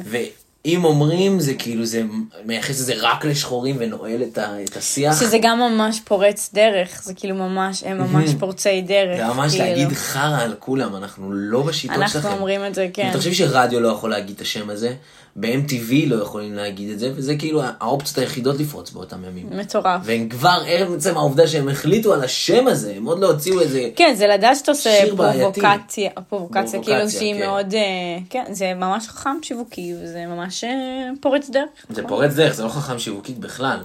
אני חושבת שזה, אוקיי, אז נכון, הם לא אומרים את השמות שלהם וזה, אבל בסוף זה חכם שיווקי, כי זה כל כך מטורף, שכאילו אנשים לא אומרים את זה, ואנשים לא, כאילו, זה לא מילה שאומרים, שזה עוד יותר יוצר איזה שיח, בתק- במ- כאילו, אתה מבין? כן. זה כאילו, לא אני מנסה לחשוב על מישהי שתקרא לעצמה, לא יודעת, כאילו, אה, לא יודעת. אני לא יודעת, אה, עכשיו אפשר להגיד הכל, כן, עכשיו. הכל מותר, אבל כאילו, אתה מבין מה אני אומרת? כן, כאילו, היום אין איזה מילים קדושות. אז, אז ברור שכאילו אנשים יהיו כזה, מה, שמעת שיש את ההרכב הזה של fuck niggas with attitude, וכאילו, אתה מבין, זה יוצר, אה, זה לא, יותר מעניין, מאשר, אה, אה, לאשר, אה, לא יודעת, אה, boys with attitude, כאילו, אתה כן. מבין, זה כאילו, זה לבוא ולהגיד את זה straight forward בפנים. אה, כן, אוקיי, אז בקיצור, ואז הם התחילו להיות זה, הם מוציאים את השיר, אה, הם, הם כזה צמד ברוטלס, לא, הוא כבר אוסף את החבורה השלמה. כן. אה, מדברים פה על שישה כאילו אנשים, על די.ג'יי יאללה, על כן, כל כן. האנשים שמניתי קודם. והם מתחילים לעבוד על האלבום שלהם. אה, ובאוגוסט 88 הם מוציאים את האלבום הראשון שלהם שנקרא Straight Out of Compton, הישר מקומפטון, כשהוא בן 23, שהוא בן 23. כן. והאלבום מביא ז'אנר חדש שעדיין, כאילו היה גנגסטר ראפ, אבל זה היה עמוס בקללות, מפוצץ בקללות, תיאורים ממש אלימים, ממש. אה, מיזוט- איזוטריים, ממש. כאילו קיצון קיצון קיצון, וכאילו, כל הקהל היה בהלם כאילו שהם הופיעו עם זה, כי כאילו בהתחלה ניסה לדחוף את זה דרך לונזו למועדונים, וכאילו אנשים אמרו, אוקיי, לא, כן. באתי למועדון, לא לשמוע כאילו על רצח של כושים ברחובות, כאילו, כן. אני בורח מזה שנייה. כן. אה, ואז אימא של דרייק מספרת ששמעתי את השירים ואמרתי, לא, זה לא הבן שלי. בהתחלה הייתי בהכחשה מלאה, שאלתי את עצמי למה שהוא ידבר ככה. יואו. זה קטע, כי כאילו ראפרים מקללים כל הזמן, כאילו כן. דברים דפוקים, וכאילו מהמם. מדבר איתך על היבידי הובידי, היבידי הובידי. כן. זה הזמן. לא, וגם עכשיו, תחשוב כאילו מה, איזה מילים יש לראפרים עכשיו, דברים דפוקים הם רצח. כאילו היום, הרי אתה חייב להוסיף, כאילו אם יש קללות אז אתה מוסיף כזה מדבקה של explicit. אז הם הדפיסו במיוחד explicit כזה גדול. כי הם מאוד התגאו בזה שיש להם קללות, כאילו. אמא שלו לא אהבה את זה. ממש לא אהבה את זה. אבל הצעירים בשכונה ואפילו כאילו, המח- ה- כאילו כל הגנגסטרים בשכונה עפו על המוזיקה, זה היה גאווה, כאילו פעם ראשונה שמישהו מדבר מדבר, בכבוד כן. על, ה- כאילו, על החיים לא, האלה. גם מספר, כן, זה מה שקורה, זה אחר, זה לא משהו יפה, כאילו. כן, אבל זה בהעצמה, הם כזה, איזה כיף להיות גנגסטר, כן. כאילו, תראו איזה מגניב אני, כן. כאילו, שכאילו רק התקשורת מבאסת אותם וזה. אה, ומה ש... והשלבים אחרי זה, זה שכאילו אסרו אותם להשמרה, להשמעה ברדיו ובטלוויזיה, בתי ספר אסרו על השמעה בשטח בית ספר. אה, אנשים לבנים כאילו ממש כאילו הזדעזעו ברמה קיצונית ממה השחורים האלה עושים כאילו. ברור. לזה הם קוראים אומנות, בכזאת רמה. אה, ואחד השירים שם, הוא ממש מוכר, זה Fuck the Police. שגם הם רושמים את זה עם שגיאות כתיב, כאילו fuck את ה-D הם רושמים עם שגיאות כתיב. אה, מכירה את השיר? Fuck the Police coming straight from the underground. לא. אז הקיצר, אז אני אספר לך את כל הסיפור על ה- על ה- זה, כי זה סיפור מעניין. כשהם עבדו על האלבום, איזי אי הרי הוא אהב להרגיש גנגסטר, מה שהוא לא באמת היה, הוא היה כאילו משחק סמים, אבל הוא לא באמת היה כאילו חלק יורה מופיע. באנשים עכשיו, כן. אז הוא קנה כאילו שטגן של אה, רובה צבע, של פיינטבול, והוא ודרה נוסעים ברחובות קומפטון, והוא יושב כזה על החלון, יורה ל- לאנשים בבתים בצבע. אה, מה שזה ממש לא חכם לעשות ב- בסוף שנות ה-80, כאילו להיות כושי שיושב על זה ויורה. ויורה, גם אם זה צבע. כן. תוך שנייה מגיעים שוטרים, אה, עוצרים אותם, תוך כדי מתווכחים איתם, כזה תקשיבו זה רק רובה צבע, אני לא עשיתי כלום וזה, עוצרים אותם, הם מגיעים להסכם, איזי יוצא כאילו נקי מכל האשמות, אה, דרה מגיע להסכם איתם שהוא מגיע כל סופש למשך שלושה חודשים למעצר, הוא מבלה את הסופשים שלו במעצר. אה, אחרי איזה חודש שק- שזה קורה, אייסקיוב משתגע, כאילו, הוא מסתובב כל הסופאשים, הוא לא יודע מה לעשות, הוא סתם מסתובב ברחוב, כאילו, הוא היה רגיל כאילו לשבת עם, עם דרה ולעבוד על האלבום, כאילו, זה כל הכיף שלו, זה כל הפאן שלו. ואז הוא מחליט לכתוב שיר, אה, אחרי כאילו פחות מחודש. הוא כותב את השיר הזה, ואז דרה כאילו יוצא מהמעצר שלו בסופה, שהוא רואה את השיר, והוא אומר לו כאילו, אחי, לא. אני כאילו מספיק הסתבכתי במשטרה, כאילו הכותרת של השיר זה fuck the police, אני לא מתעסק עם זה, הוא כמעט זרק את זה כאילו בצד החדר. אוקיי. אחרי השלושה חודשים שהוא ריצה כאילו כל סופ"ש, שהוא היה כל כך עצבני, שהוא אמר אין מצב שאנחנו לא לא עושים את מוצאים." השיר הזה. הוא יהיה עצבני כאילו על המשטרה בקטע של... המשטרה, כן. הם מה, הם, הם כאילו התעללו על בו זה שם? שהם לקחו לו את החופש, אה, על הם לקחו לו את. החופש, אוקיי. על כלום ושום דבר, והוא, והוא זה סיפור ממש קליל לאותם זמנים. כן, כאילו, לגמרי. תחשבי שכאילו, הם היו מפוצצים אנשים מכות ל, לרמה של. כאילו, של כמעט מוות. נכון. היה 1,500 עצורים ביום, מ-85 עד 89. מטורף. 1,500 ביום. מטורף. בטח גם על כאילו, שטויות. על בטח גם שטויות. על דברים, כאילו, אתה יודע, גם דפוקים, אבל כי שגם... היה את הקרק פנדמיק, ואז כאילו אמרו, טוב, איך נתמודד עם זה? פשוט פשוט נעצור את נוסיף כל ה- עוד כוח. כן. זה כל המאבק כוח הזה כן. שיש שם. תשמע, אבל זה לא פשוט באמת, כאילו הבעיה, ברור שהבעיה היא לטפל ב... לא יודעת, ברווחה ולא יודעת ב- בעניין הזה, אבל כאילו... היה המון גזענות, וזה היה כאילו בתקופות... זה הפתרון הכי אה, קל, הכי מהיר. כן. באיזשהו מקום. נכון. מה, עכשיו תשקיע בשורשים, ועד שזה יצמח, ועד שזה, פשוט תפעיל עוד כוח. כן. למרות שגם נראה לי שזה לא קשור, נראה לי הם לא רצו בכלל, לא חשבו בכלל על להשקיע בקומפטון, כאילו, בקטע של כאילו, זה עם אנשים שחורים, וכאילו, אתה יודע, עם מלא זה. אבל אוקיי, סבבה, fuck את ה police, הוא אמר, יאללה, חייבים להוציא את השיר הזה. כן, הם עושים את השיר, השיר, כאילו בפתיחה זה כזה, לא משנה, השיר מפוצץ במסרים על המשטרה, שכאילו fuck the police, שהזדיינו כל השוטרים, הם עושים לנו חר, הם עושים לנו עוול, הם כאילו, שזה אנשים שבאמת דיברו מתוך כאב שהם חווים יום יום, שעה שעה, כאילו. כן. זה לא סתם שהיה להם רק את המקרה הזה, זה כאילו. ברור. גם אחרי זה שהם כבר מוצלחים והם מופיעים בארצות, ברחבי אמריקה, הם, יש סיפור שהם יוצאים כאילו סתם לקנות איזה בייגלים כזה לחזור לאולפן, עוצרים את כולם, מפוצצים את המכות, והם כוכבים באמריקה. כן. הם מפוצצים את המכות, כאילו, שוטר כן. שחור. זה עדיין קורה, אתה יודע. ברור. כאילו, זה מזעזע. זה מזעזע, זה לא שזה ישתפר פלאים מאז, אבל יש כן. תהליכים. עובדה מעניינת על השיר הזה ספציפית, יש 11 סימפולים, שזה מלא סימפולים, מלא סימפולים. זה המון סימפולים. זה מלא. נכון. מהר מאוד האלבום יצא, הוא תופס תאוצה, ובזכות השיר הזה, הוא יותר ויותר אנשים שונאים אותו, הם יותר ויותר מקבלים כאילו בתקשורת כזה, תחרימו את NWA, אל תשמעו אותם, ואז כאילו כולם אומרים, מה זה NWA, אני אשמע שנייה, קונים את האלבום, עפים עליו. וככה זה רץ ומתגלגל ומתגלגל, ואז כאילו, יש להם רק פרסום שלילי, והם עפים על זה בטירוף. כן, כאילו, כי הם no- ה-bad boys. There is no such thing as bad publicity, כאילו שזה טוב. ואצלם זה כאילו, זה בא להכי הכי, לקיצון של הקיצון. אוקיי. אה, אני גם בטוחה שהרבה אנשים יזדהו עם ה-fuck the police וכאלה. ברור. כן. כי תחשבי שכאילו, גם מתישהו זה מגיע ל, ל, לאנשים הלבנים, כאילו, הם גם כזה, הילדים נהיים ב... כאילו, עכשיו נהיית איזה תפריט, הם כזה, אוקיי. עד יולי 89 הם כן. מוכרים מיליון עותקים, בלי השמעה ברדיו ובלי מטורף, MTV. מטורף. שזה קשה רצח. מטורף, בטירוף, מטורף, כאילו. מטורף, כן. זה לא נורמלי. אה, ואז כאילו, באוגוסט 89, האלבום יצא באוגוסט 88, שנה אחרי יציאת האלבום, מגיעה הפריצה הגדולה שלהם. הם מקבלים מכתב על ה- שמגיע להם ברות'לס רקורד על השולחן, אה, ואני אצטט אותו. שיר שהוקלט על ידי ההרכב NWA מהאלבום הישר מקומפטון, ומעודד אלימות וחוסר כבוד כלפי אוכפי החוק, הובא לידע, לידעתי. אני מבין שהחברה שלכם אחראית להקלטה והפצת השיר, ורציתי לשתף אתכם בחששות שלי. לפרסם ולתמוך באלימות נגד שוטרים היא דבר פסול. ב... נגד שוטרים היה מודגש גם במכתב. Mm-hmm. בימים אלו זו בעיה רצינית במדינתנו. בשנת 88 נהרגו 78 שוטרים במהלך מילוי תפקידם ברחובות המדינה. שוטרי המדינה מגיבים, מגנים בגופם על המדינה שלנו למען ביטחון אזרחינו. ולהקליט שיר כמו השיר שהוזכר מאת ההרכב NWA הוא זלזול והשפלה של אותם אנשים אמיצים ומסורים. יאללה, יאללה. אה, עכשיו, אה, על החתום FBI, זה קריטי. מכתב מה-FBI בכבודו ובעצמו, הם מקבלים כאילו, השיר שלכם לא טוב. הם לא אומרים להם להסיר אותו, הם לא אומרים כלום.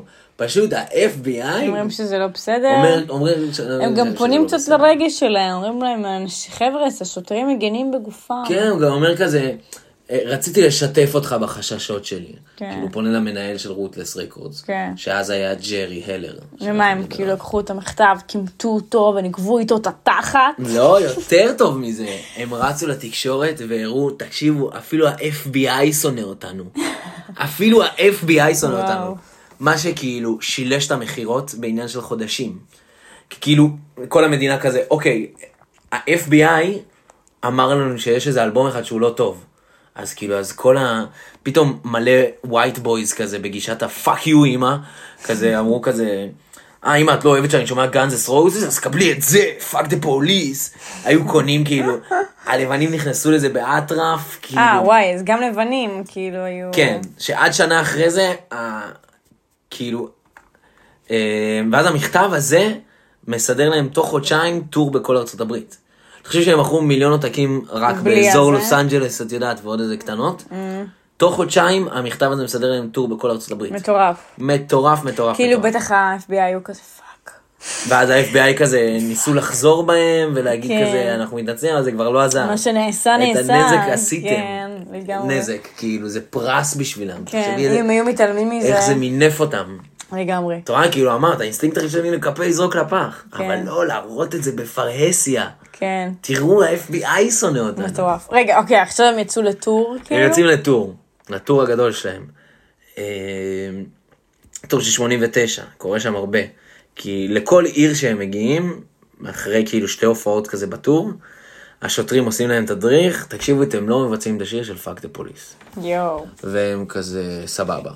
עולים לבמה, עושים את Fuck the Police, לא קורה להם כלום. אז הם כאילו ממשיכים ככה עוד עיר ועוד עיר ועוד עיר. ומה, וה- והשוטרים לא בסוף ההופעה מרביצים להם, או לא יודעת לא. מה? אוקיי. הם כזה, הם, פשוט לוקחים את הדברים שלהם והולכים מהעיר, כאילו זהו, כבר אין קשר. אוקיי, אוקיי. עד שהם מגיעים לדטרויט. בדטרויט, כאילו אחרי איזה חודש כבר, למה דטרויט זה מוכר לי? מי מגיע אלינו מדטרויט? אמינם. אמינם? אמינם נכון, מגיע נכון, נכון. לדטרויט, לא נראה אוקיי, שעוד מישהו. אוקיי. הם מגיעים לדטרויט, להופעה שלהם בדטרויט חלק מהטור, ושם השוטרים אומרים להם, תקשיבו, אם אתם מבצעים את השיר, אנחנו עוצרים את המופע ועוצרים אתכם, כאילו. שמעתי שאתם מחברים שלנו מערים אחרות, שאתם כן. עושים ואתם שמים זין, פה אתם לא שמים זין. היו כזה, אוקיי, אוקיי. ואז אוקיי. דרה אמר, אוקיי, זהו, כאילו, לא עושים. נהנינו מספיק, אנחנו לא עושים. אמ, וכל ההופעה, כל שיר שהם עושים, הקהל כאילו לא, לא ב vibe, הם פשוט צועקים להם Fuck the Police, Fuck the Police. כאילו מתים שהם יעשו את מתים השיר. שהם יעשו את השיר הזה, מסתיים את ההופעה, הם לא עושים. יש הדרן, הם לא עושים. הקהל כאילו משתגע, Fuck the Police, Fuck the Police. אייס קיוב פשוט לוקח את המיקרופון, אומר ליאלה, תקשיב, שים את הביט, כאילו, על הזין שלי. יואו, אייסקיוב הזה. ואז הוא סיפר להם, תקשיבו, השוטרים אמרו שהם יעצרו אותנו אם נבצע את השיר הזה ואנחנו נבצע אותו. הוא לא מספיק להגיד כאילו שלושה משפטים, כל החשמל נופל, כאילו הם מפילים את החשמל באירוע. אה, NWA מתחילים לרוץ כאילו לוואן שלהם, לאוטובוס שלהם ולברוח. לפני שהם מגיעים, השוטרים עוצרים אותם, מן הסתם, כאילו כבר כמה אתה יכול לברוח מבמה כן.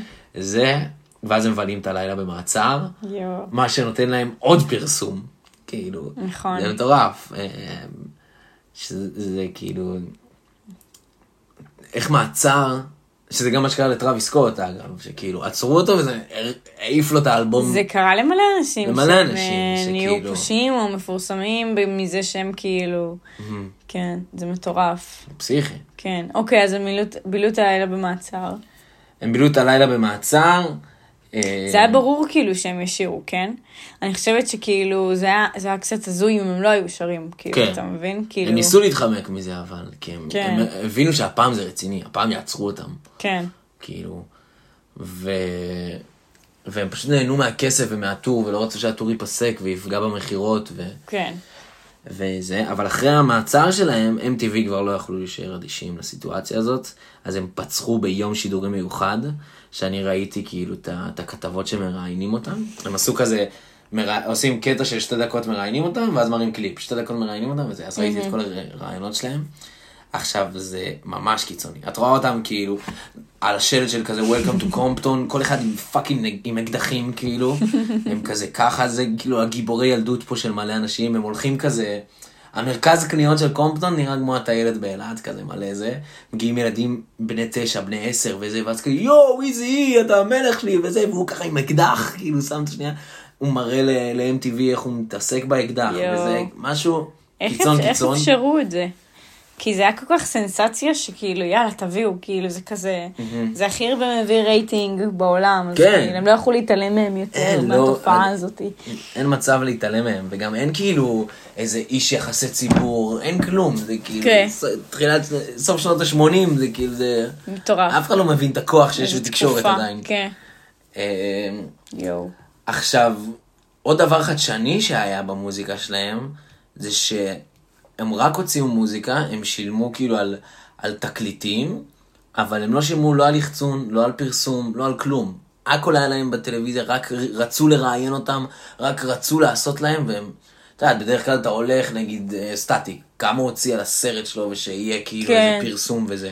כן, הם צריך מקבלים לחשוב, פרסום כאילו, חינם, כן. פרסום חינם. מעצם זה שהם נכנסים לכאילו כלא או כאילו כזה מטורף. מה שנותן, מה שמעיף את ההכנסות לרמה שכאילו, כן, כי אתה לא מוציא שלא על נראתה פרסום כמעט ועל, אה, במוזיקה זה. בכזאת הצלחה מהירה. כן.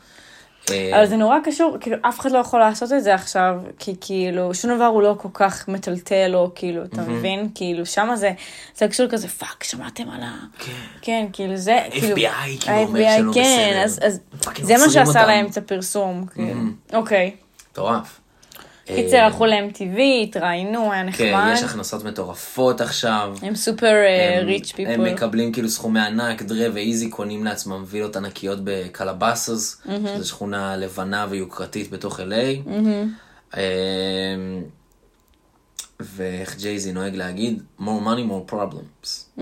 מתחילות ה-problems עכשיו. מה, ביניהם כאילו כזה? אה, בהכל, מתבטא בהכל, בסופו של דבר אתה מערבב כסף עם חברים ועם הצלחה שהיא בככה בשנייה, כן, כאילו. נראה לי בכללי אנשים שבאים מעוני מחפיר, ואז פתאום בשנייה מגיעים לכאילו לעושר אה, שאין כמותו, זה מפלפ לך את המוח, כאילו ברמות, אתה לא יודע איך להתמודד עם כל הכסף הזה, ועם כל הפתאום סמים שאתה יכול לעשות, והכאילו שיט שאתה מסיבות, עושה, האורגיות. מסיבות, אורגיות, כאילו זה נראה לי, סיפורים משוגעים מאורגיות של כאילו, הם, הם היו לוקחים כאילו מעריצות אחרי ההופעה, ואז אה, מגיע איזה חבר של אחת מהן, דופק על הדלת כזה, היי, איפה, איפה טריש? כן. ואז כזה, ואז איזי היא כזה, טריש חברה שלך פה? ואז כזה, כן, תביא, כעס, אני אזיין אותך, ואז הוא כזה דוחף אותו החוצה.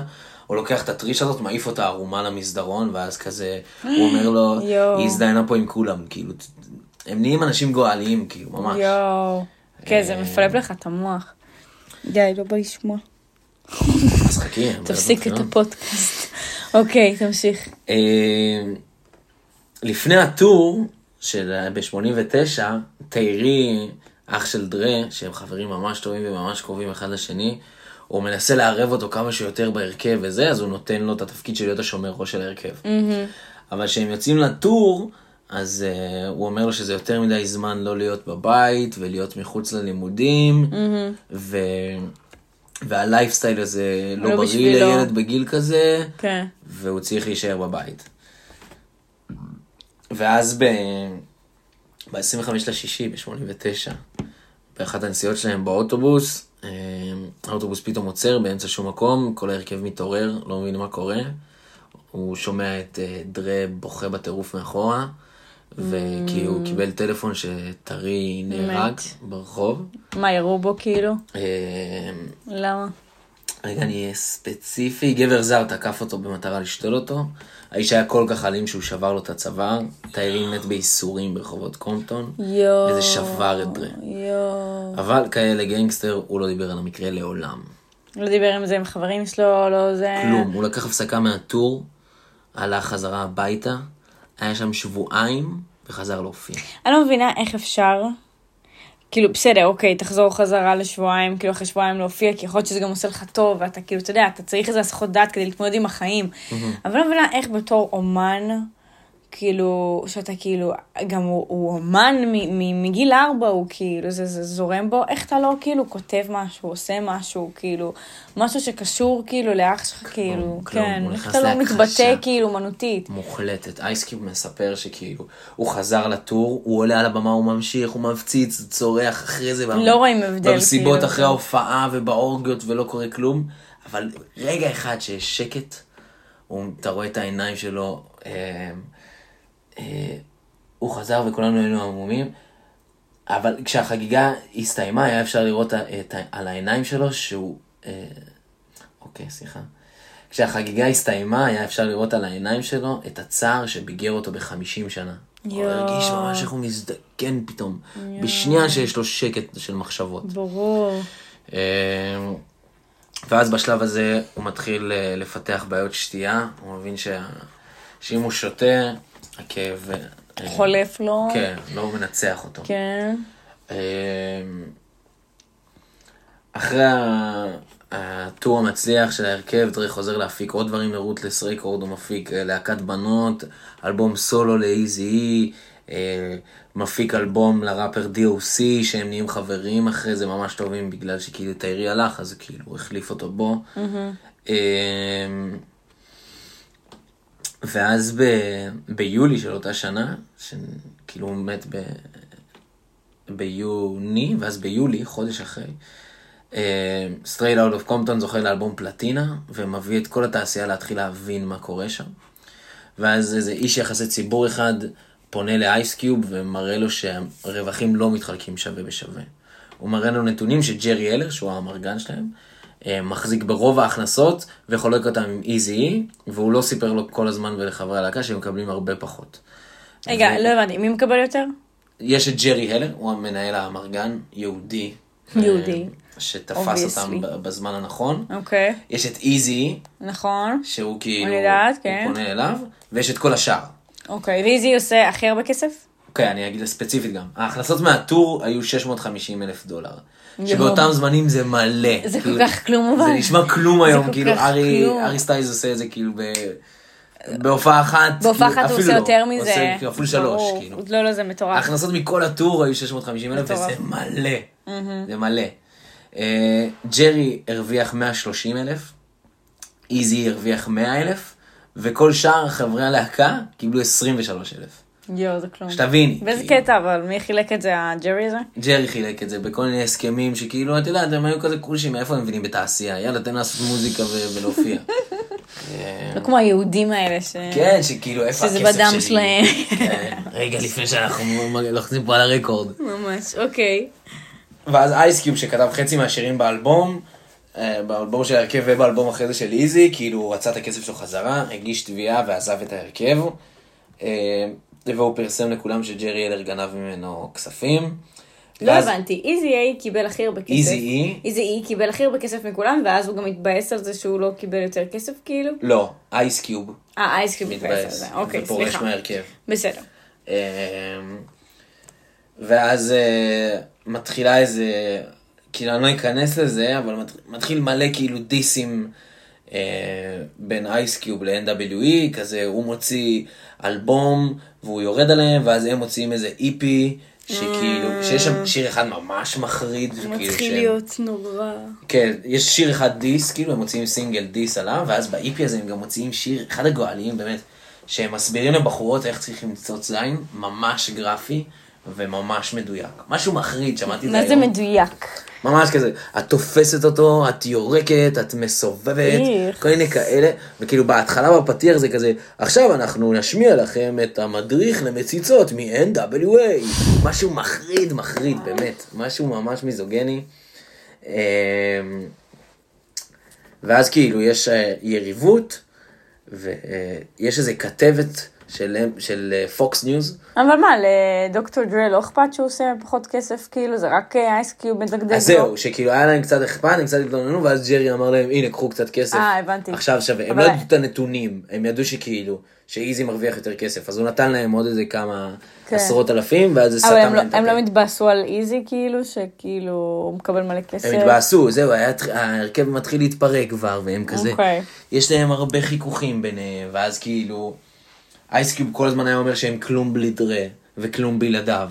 ואז הם פתאום מתחילים להבין את זה, כאילו, אשכרה, אנחנו כלום בלעדיהם. לא, זה גם מתחיל להיות האשמות כאלה, שהכלום כן. בידינו, ואנחנו זה, זה קורה. להרבה להקות... אה, ואז אה, אחת מהחברות הטובות של ההרכב הייתה הכתבת די באונס. היא עשתה כתבה על ההרכב לקראת האלבום השני שלהם, וכששאלה אותם על היחסים עם אייסקיוב, כולם היו מדוכאים ממש, כאילו, ו... וכזה די.ג'יי יאללה מוציא כזה קוביית אה, אה, קרח מהוויסקי שלו, ואז הוא כזה מרסק אותה כזה, בעצבים של ילד בן שמונה, ואז כאילו המצלמה עוברת, רואים את אייסקיוב כזה, נקרע מצחוק עליהם, ראיתי את הרעיון הזה, זה הרג אותי, כאילו. וואי, זה כל כך... הוא ממש אה, נקרע עליהם מצחוק, הוא אומר כאילו, תקשיבו, אני מצליח ואתם כאלה מדוכאים, כאילו, תזדיינו. אמ, מה שממש ממש פירק את דרה, כאילו לראות את הכל מתפרק לו מול העיניים, כן. ואיך הוא מתגרה בהם, וכאילו באמת היה עמוד תווך אייסקיוב, הוא כאילו כתב חצי מהשירים, והוא היה... ואז ב... עכשיו אני אהיה קצת אה, גרפי, וקצת קשה, כי עם כמה שאנחנו פה מעללים את דרה, יש לו גם צדדים אפלים מאוד. אוקיי. אז כאילו אני... צריך לשמוע אותם גם. כן, אז כאילו, אני יכול להגיד שהוא עשה משהו רע, אבל אני יכול גם להיות מאוד ספציפי, ואז נדע כמה הוא היה רע. בסדר, תכינו את עצמכם ל... כן, בתוכן קשוח. אוקיי, בוא אז נשמע. ב-27 לראשון 91, ההרכב מגיע למסיבה של חברים, שזה ש... שבועיים אחרי שיצאה הכתבה הזאת. אוקיי. אה, ההרכב מגיע למסיבה עם חברים, דרי היה שיכור מאוד, ואז הוא רואה את די באונס, הכתבת. אה, הוא רץ אליה, הרים אותה והצמיד את הפרצוף שלה לקיר. לאחר מכן ניסה לזרוק אותה מהמדרגות, אבל הוא לא הצליח. אבל למה, מה... למה הוא עשה את זה לה? כי די באונס עשתה את הכתבה כן, שמוציאה אותה. מאפסים. אה, אוקיי. אז כאילו, אז הוא מטיח עליה את כל ההאשמות. בני עליה, אוקיי. אה, גם משם, מה יש לה זאת? כן, זה קליל, אתה פשוט מרים אותה, מצמיד את הפרצוף כאילו לקיר. זונה, שתסתום את הפה, אה. הוא מנסה לזרוק אותה מהמדרגות, הוא לא מצליח, אז היא נפלה לרצפה, הוא בועט בה חמש פעמים חזק בצלעות. אה, איזה בן זונה. למרות הכאבים היא הצליחה לברוח משם לשירותים. דרה מגיע לשירותים, שובר את הדלת ותופס בה מהשיער ודופק אותה, מהשיער הוא דופק אותה בראש של ה... בדלת של השירותים, היא נופלת על הרצפה, ואז הוא ממשיך לבעוט לה חזק בפנים עד שמפרידים אותו ממנה. היא חיה? הוא הרג אותה? היא חיה, אוקיי. ו... מה הוא מרביץ לנשים? שירביץ לגברים בגודל שלו. וכאילו, וכמה חודשים אחרי זה היא מגישה נגדו תביעה, שזה גם ממש לא מקובל באותם ימים. כאילו, אישה שתדבר מול גבר כזה חזק ודומיננטי, כאילו, דרה, מי את שתעשי את זה? כאילו, הוא בזמן ש... כאילו, כולם. כולם אומרים כזה, מה, את פוגעת לו בפרנסה וזה, שהיא זאת שנפגעה לה אה, הפרנסה. נכון, נכון, האשמת. הקורבן, מקסים. כן. אוקיי. אה, ואז אה, אני אקריא פה שתי ציטוטים של מאותה, הם כאילו, באותה שנה דרה מגיב בתקשורת לסיפור. אנשים כל הזמן מדברים על הסיפור הזה, אבל אתה יודע משהו? אם מישהו מתעסק איתי, אני מחזיר לו. פשוט עשיתי את זה. וחוץ מזה, זה לא big deal, כולה זרקתי אותה לתוך דלת. יואו, איזה אידיוט. הוא אומר את זה בתקשורת. מה אין, אימא אין שלו? יחסי ציבור, אין מה כלום. אימא שלו הייתה אומרת על דבר כזה? אבל בראיון לפני שלוש שנים הוא מגיב אחרת לגמרי למקרה. אחרי. שלוש שנים מעכשיו, מלפני שלוש שנים. אוקיי. אה, או, ממש עכשיו. כן, אוקיי. 2020. אוקיי. אה, זאת הייתה נקודת שפל בחיים שלי, ועשיתי הרבה דברים מטומטמים. כילד חוויתי אלימות וראיתי את אימא שלי חווה אלימות, אני יודע מה זה ומה ההשלכות של זה. אין, אין שום תירוץ לזה. אף אישה לא צריכה לקבל כזה יחס. אני מצטער על זה והתנצלתי על זה גם בפניה. זה כתם ענק עליי ועל מי שאני כאדם, וכל פעם שזה עולה זה גורם לי להרגיש נורא. אני מנסה להיפטר מהענן הזה כמה שאני יכול, אני לומד ועושה כל מה שאני יכול כדי להפוך לבן אדם טוב יותר. תשמע, אני חושבת שכאילו צריך לדעת למחול גם. כן. אה, וכל עוד עכשיו הוא מתנצל על זה, ו... כאילו זה עדיין דבר מזעזע. לא, אבל, וגם היא הגישה נגדו תביעה והוא הודה בהכל, אה, אוקיי. והוא נסע בכל האשמות, לא והוא כזה, שילם את כל מה שהוא צריך לשלם. אה, היו לו עורכי דין מספיק טובים שלא יכניסו אותו לכלא, אבל הוא עדיין היה... כן. בסדר. אה? זה לא נגמר שם. אה. באותם ימים, דרי היה במערכת יחסים עם זמרת שהייתה חתומה ברוטלס רקורד, מישלה. ב-91 הם התארסו, ובאותה שנה הילד שלהם מרסל נולד. ואחרי הלידה הקשר הסתבך, דרי היה שותה, בוגד ומאוד מאוד אלים כל הזמן. אפילו פעם אחת חזר שיכור הביתה, כיוון עליה אקדח ואפילו ירה כדור שפספס אותה כי הוא היה שיכור. וכל זה מול הילד הקטן שלו. מישלה הייתה חייבת לברוח מהבית כדי להציל את חייה. אז אנחנו צריכים להבין שלמרות הגאונות והמהפכנות וכמה שהוא בן אבל אדם עוד אדיר, פעם, זה מתחבר לזה שמישהו שהוא הוא בא מעוני מחפיר, והוא באמת ראה אלימות, כאילו ביום. שלו הוא חי אלימות, הוא חי, זה לא מציאות שאנחנו אפילו יכולים לתאר, כאילו, אני לא מתרצת ואני לא. אומרת כאילו זה, אבל אני אומרת, זה דופק את המוח, זה דופק היגיון, יש לך פתאום, אפילו אני חושבת עכשיו, אנשים כאילו שהם חיים כמוני כמוך, שיש להם, היה להם אחלה ילדות והם חיים טוב, אפילו עכשיו אם תוך שנייה אתה נהיה מיליונר בטירוף, ו- וזה לא רק המיליונר, זה גם אתה זה נהיה מוכר. גם למה הדחיק את הכאב שהוא עבר טראומה, אבל גם כאילו, אתה יודע, גם פתאום להיות fucking סלב, אין לך פרטיות יותר, אנשים מתייחסים אליך אחרת, נותנים לך מלא כבוד, כאילו, אז אני חושבת שזה דופק לך את המוח, ואתה כבר לא, זה, זה קשה, זה לא משהו פשוט. אין, אין מחילה, ל, אתה יודע, להתנהגויות לכזאת כאלה. אבל, אבל בסוף כאילו, הוא מסכן, כאילו, גם לא המוח שלו דפוק בטירוף. אוקיי, אז היא בורחת משלה. כשזהו בורחת, אז כאילו רק רציתי לציין את הצדדים האפלים שלו גם. כן, בסדר. האלימים שלו. באותם הוא ימים. עכשיו בן 80, אה, 26. אנחנו ב- אנחנו ב-91, לא? 91, כן. 26, נראה לי 27. אה, ב-90 במאי 91 הם מוציאים את את האלבום השני שלהם, ש... אה, הרבה טקסטים הרבה יותר קללות, הרבה יותר מיזוגנים, הרבה יותר אלימים. אה, לימים האלבום הזה הפך להיות בדיחה של הגנגסטר ראפ, כאילו רק יורדים עליו ורק כאילו, אה, וואלה. אחרי כאילו האלבום הקודם שהוא היה כאילו הבסיס להכל, פתאום כאילו סתם חרבנה. אה,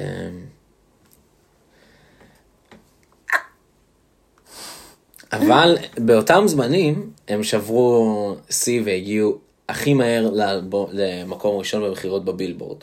זה גם כי הבילבורד שינה את השיטה שלו, אבל כאילו, הם, אה, הם שברו את השיא באותם זמנים. אוקיי.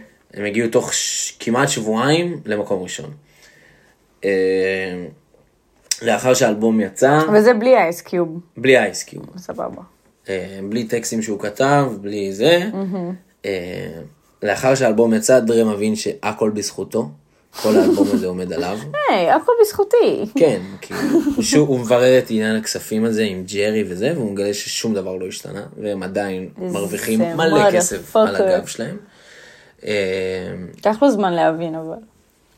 כן, כי הוא לא התעסק עם זה, הוא היה במוזיקה, הוא היה מאוד, ש... כן. הוא היה מגיע לאולפן, לא יוצא, כאילו, זה היה המקום שלו והשקט שלו. ואז כאילו, בגלל שהוא ואיזי חברים כל כך טובים, והם עברו כל כך הרבה ביחד, אז הוא בא אליו בהצעה חברית ואומר לו, תחתום לי על הטופס שחרור ותוציא אותי מההרכב, כאילו, אני לא צריך את הכסף, לא צריך כלום, רק לא רק תוציא אותי מהמחויבות הזאת. אוקיי. אמ, ואז הוא אומר לו שלא. ואז אה, הוא ממש מתבאס עליו, הוא חוזר אליו אחרי עוד כמה ימים, הוא אומר לו, תקשיב, או שאני עוזב, או שג'רי עוזב, תחליט עכשיו. ואז הוא בוחר בג'רי. ג'רי. יואו, הוא בוחר בג'רי. כן. שזה ממש שובר את דרי. ברור. דרי אומר, טוב, מה אני עושה עכשיו? ואז הוא פונה לחבר טוב שלו שקוראים לו שוג נייט. היי, אה, שוג נייט. לא, זה לא מוכר. שוג נייט, ככה הייתי קורא לכלבה שלי שוגי.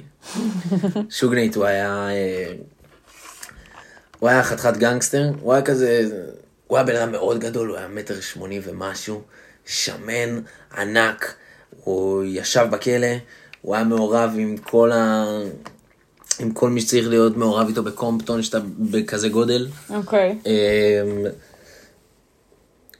ואז הוא, הוא פונה אליו, ש, שיעזור לו, ו, והם מחליטים לעשות לאיזי תרגיל.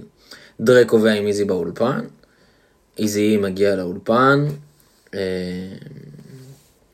ואז הוא מגלה שם את אה, שוגנייט ועוד איזה שתי אנשים ענקיים.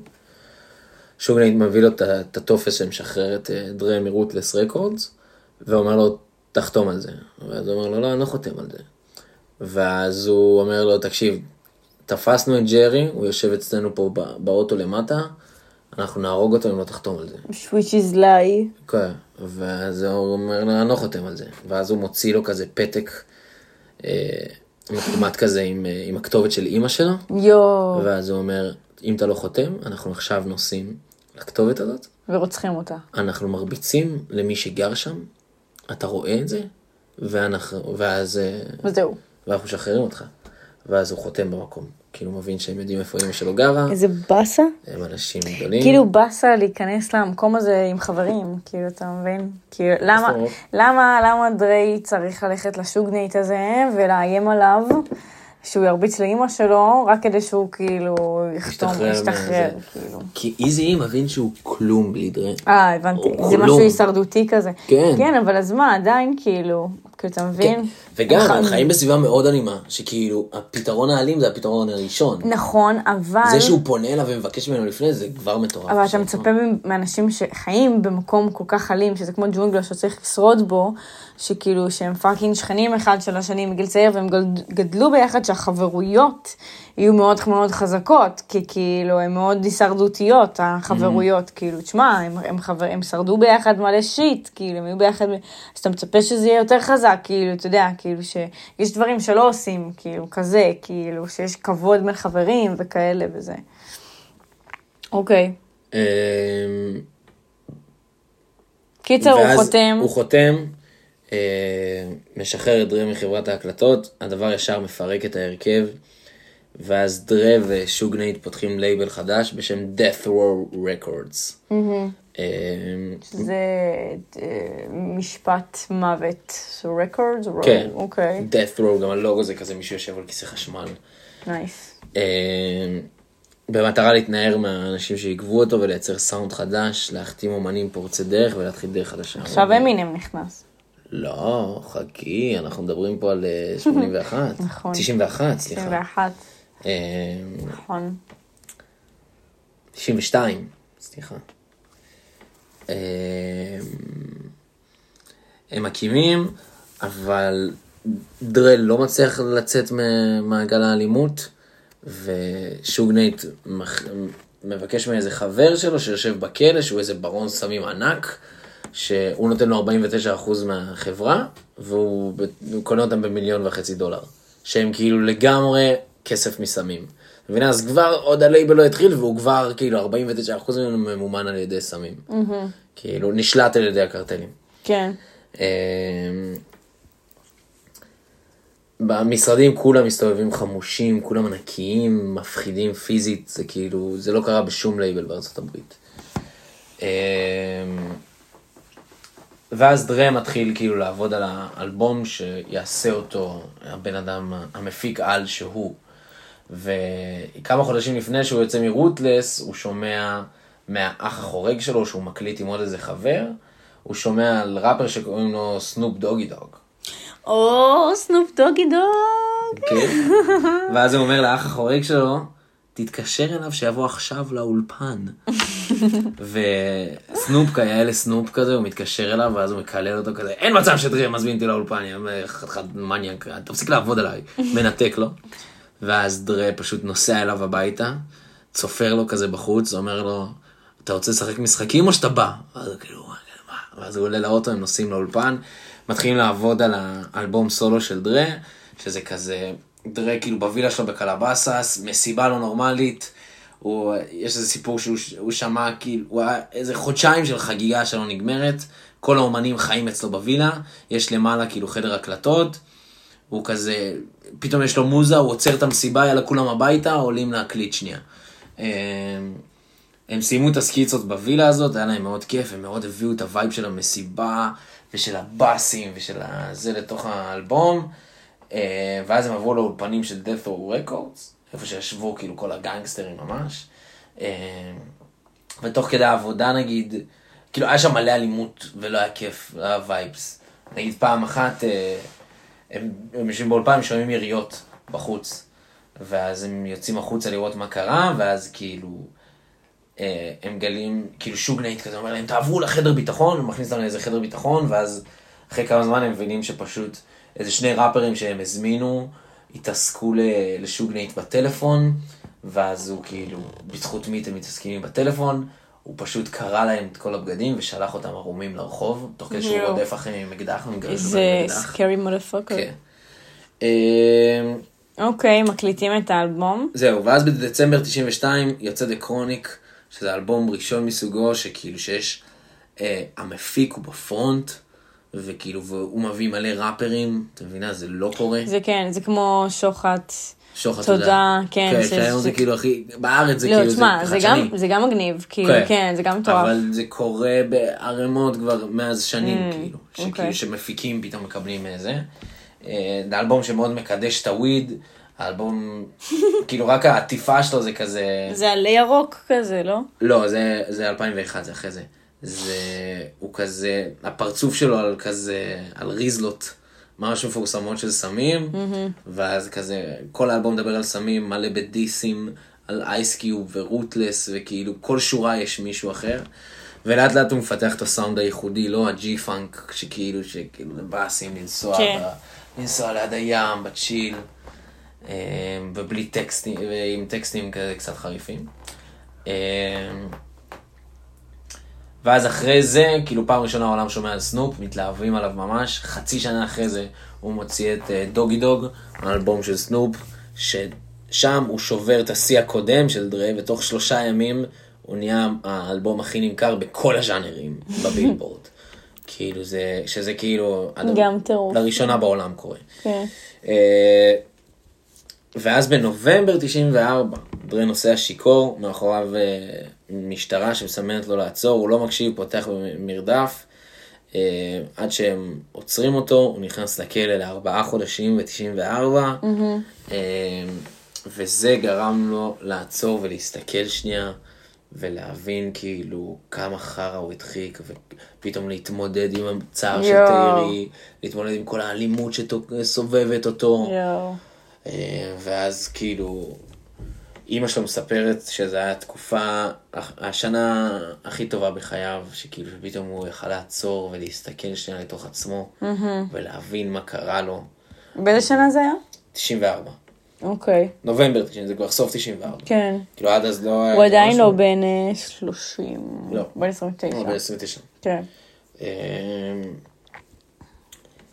ואז אה, הוא יוצא מה, מהכלא בגישה של זהו, מעכשיו אני מתנער מהדמות המסריחה. הזאת, רק good vibes, כאילו, אני לא יכול עם כל הפשע הזה מסביבי. כן. ש- חודש אחרי שהוא יוצא, מה איזי- איזי מגיע לבית חולים עם קשיי נשימה, הרופאים מגלים שיש לו איידס ברמה מתקדמת מאוד. איידס. איידס. מה, בכאילו הזרקות וכאלה? לא, מכל הנסיבות? מין האלה. אבל זה לא כזה של גייז, כאילו? אז זהו, שהוא מעלה את המודעות באותם, ב...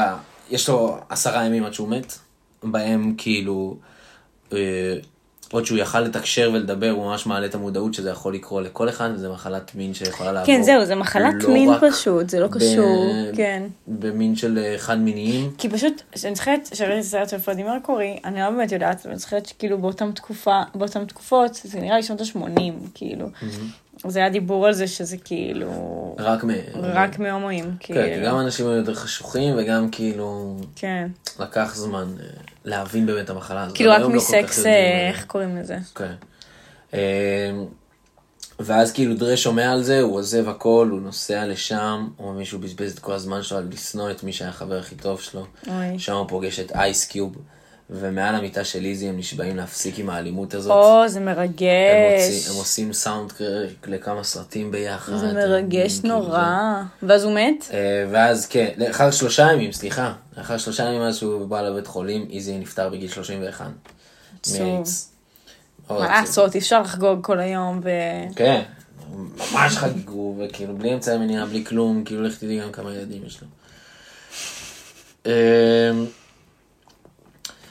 ודרה כאילו עכשיו הוא בא חדש, מוכן לשינוי, אחרי המוות, אחרי הכלא, כאילו, הוא מוכן ל good vibes, ואז ב-95 מתחילה המלחמה בין ה-East Coast ל-West Coast. Mm, ואז טופק שקור נכנס. נכון. בדיוק דיברנו עליו אה, היום. כן, בגלל זה כאילו שמרתי שנייה את הטיעונים של להגיד לך. כן, אני אמרתי לשושי ש... מה, טופק הוא כאילו הפנים של השלום, לא? הוא כזה good אז הוא בעד vibes. נשים. כן, הוא בעד נשים, הוא... אבל טופק הילל כאילו את כל המלחמה הזאת, הוא הביא אותה למצב שאנשים שלא ראפרים ולא קשורים, סתם מעריצים רוצחים אחד את השני. כן. מעריצים כאילו של ביגי ושל אה, זה. כן. התחילה המלחמה בקטנה, כאילו ביגי הוציא את האלבום הראשון שלו, וכאילו היה כל מיני טענות ב... אצל ראפרים בניו יורק שזה שלהם ההיפ-הופ, ומה שעושים במערב זה סתם שטויות. סתם מתוך איזושהי קנאה, כי שם זה כבר היה ברמה כיפית יותר, ופחות... אה, זה, והם הביאו לרמות הרבה יותר מסחריות את ההיפ-הופ הזה. אה, אז בעצם המלחמה הייתה בין ביגי לבין טופק?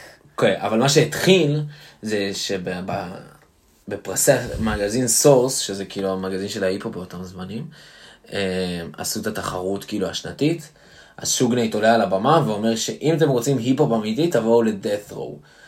מה שנתן יריית פתיחה למלחמה של החופים, ובהמשך הערב דרה וסנופ דוג עולים להופיע, ולא שומעים אותם מרוב קריאות של בוז. כשראיתי את הסרטון, הם לא שומעים אותם כלום, כאילו, רק קריאות של בוז. ואז סנופ אומר, אה, אה, אומר, fuck the east coast, כאילו, ואז זה בכלל מפוצץ את כל העסק. אה, שוגנייט משחרר חבר שלו בערבות מהכלא בטענה שהוא יהיה ראפר מעולה והוא חייב להצטרף ללייבל ובאותו יום טופק שקור מצטרף ל Death Row. מלא בכעס על המשטרה ועל הממשל. יואו. כן. עם כל מה שלא יודע, טופק עדיין מרגיש לי הגוד גאי, אני לא יודעת.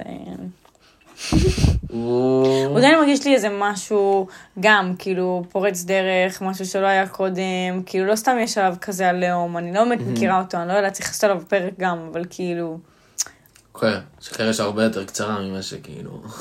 כן. פה. כי בסופו של דבר, הוא...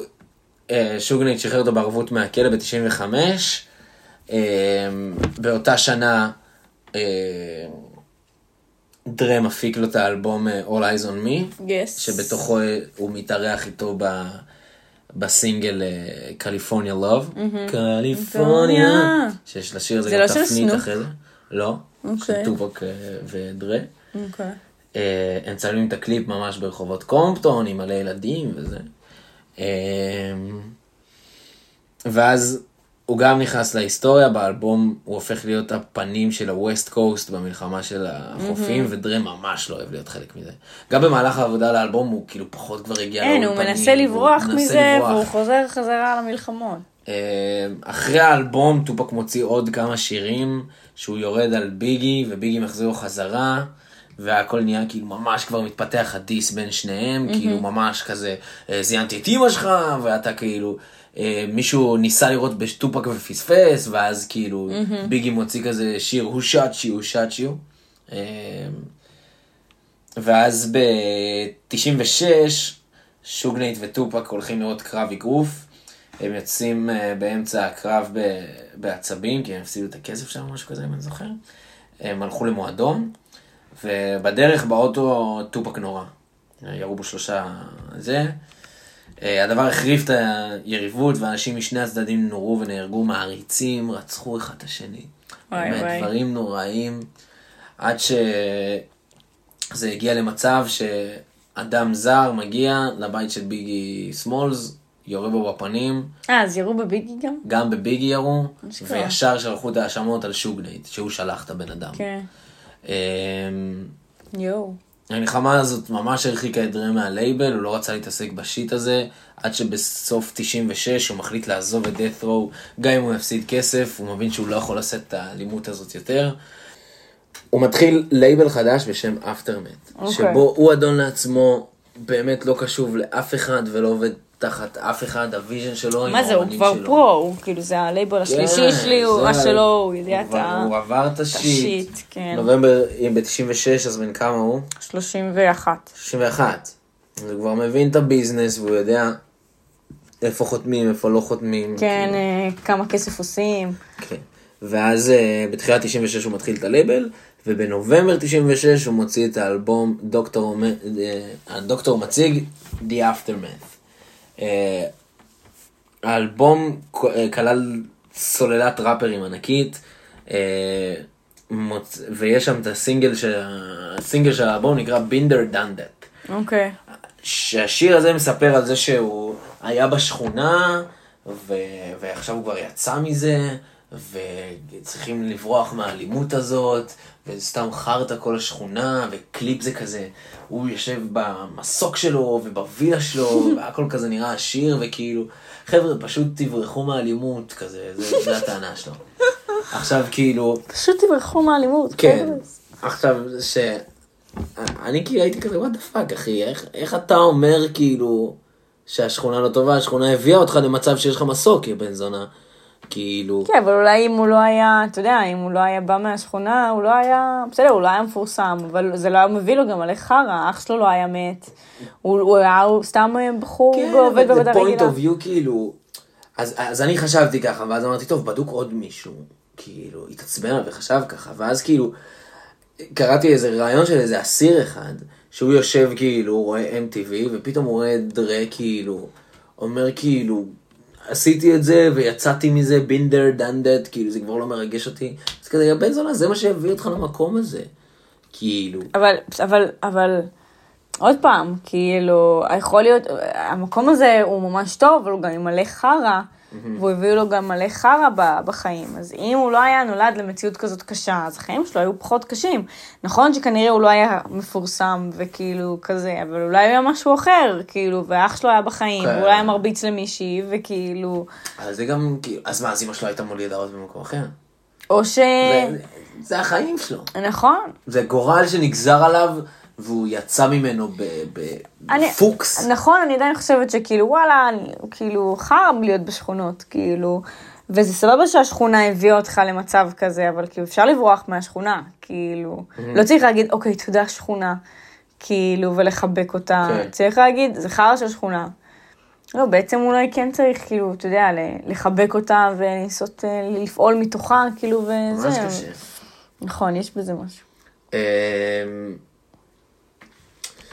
אמ, אלבום לא מצליח, ושנים דרה מסתגר באסה. כזה, ורק מפיק לאחרים כל מיני שסטויאס, עד שבנובמבר 99 הוא מוציא את דה קרוניק 2001, שזה אלבום פסיכי, שהוא עד היום זכור לנו, יש שם את סטיל דרה, ויש שם את... אה, הוא כאילו, פתאום הוא חמוש בסוללת ראפרים יותר מרשימה מכל האלבומים הקודמים שלו, כן. הרבה יותר מגוון. מי? אה, הוא מביא לנו את אה, סנופ בדברים חדשים, ועוד ראפרים שלא שרדו את מבחן הזמן, אבל הם באמת כאילו, פתאום הפלואים יותר משוכללים, והכל יותר מדויק, וכזה מספרים סיפורים, ממש כאילו זה אלבום שאני זוכר שדוד שליפז היה שומע מלא, ואני כזה ממש אהבתי עליו.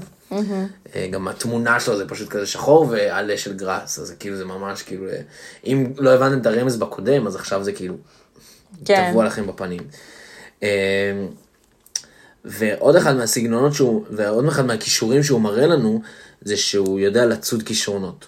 כאילו שבזה הוא מטורף רצח. כן. ואז הוא משמיע לעולם את אמינם, שאפילו ב-99 היה עדיין מוזר למע... למעריצים של דרה, שראפר לבן מקבל כזה מקום רגע, של כבוד. איך הם הכירו בכלל? אה, איך הוא מצא אותו? את אמינם? כן. הוא שמע את המיקסטייפ הראשון שלו, אני לא זוכר, ב Interscope. הוא היה כאילו תחת חברת הפצה כזה עולמית, ושם הוא במקרה יום אחד באולפנים שם שמע כאילו את ה mixtape הראשון שלו, והוא אמר תקראו לדוד הזה עכשיו לפה, ואז הוא הפיק לו את האלבום הראשון, את Slim Shady LP. האלבום הסגול הזה, שהוא כאילו, שיש שם שירים ששרדו את מבחן הזמן, והם ברור. עדיין כאילו, ברור. אה, My name is, ו... כן.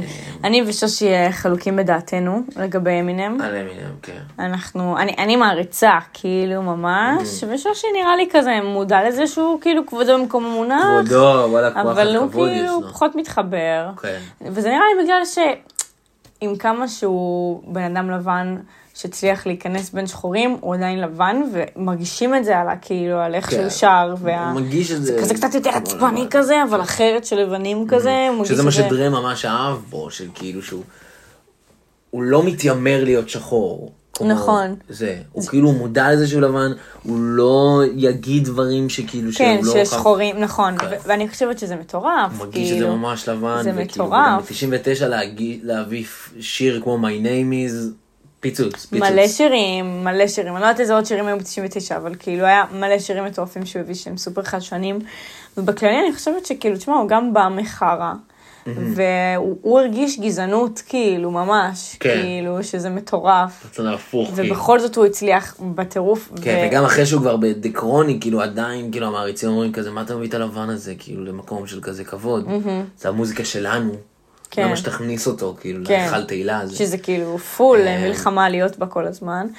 ולא יודעת, גם תחשוב על זה שבמבחן הזמן סבבה, אז הוא הוציא את האלבום האחרון שלו לפני, אני לא יודעת, של הגודזילה, הוא הוציא אותו כאילו לפני איזה שלוש שנים, ארבע שנים. כן. אני לא יודעת אם זה האלבום האחרון שלו שהוא הוציא עוד.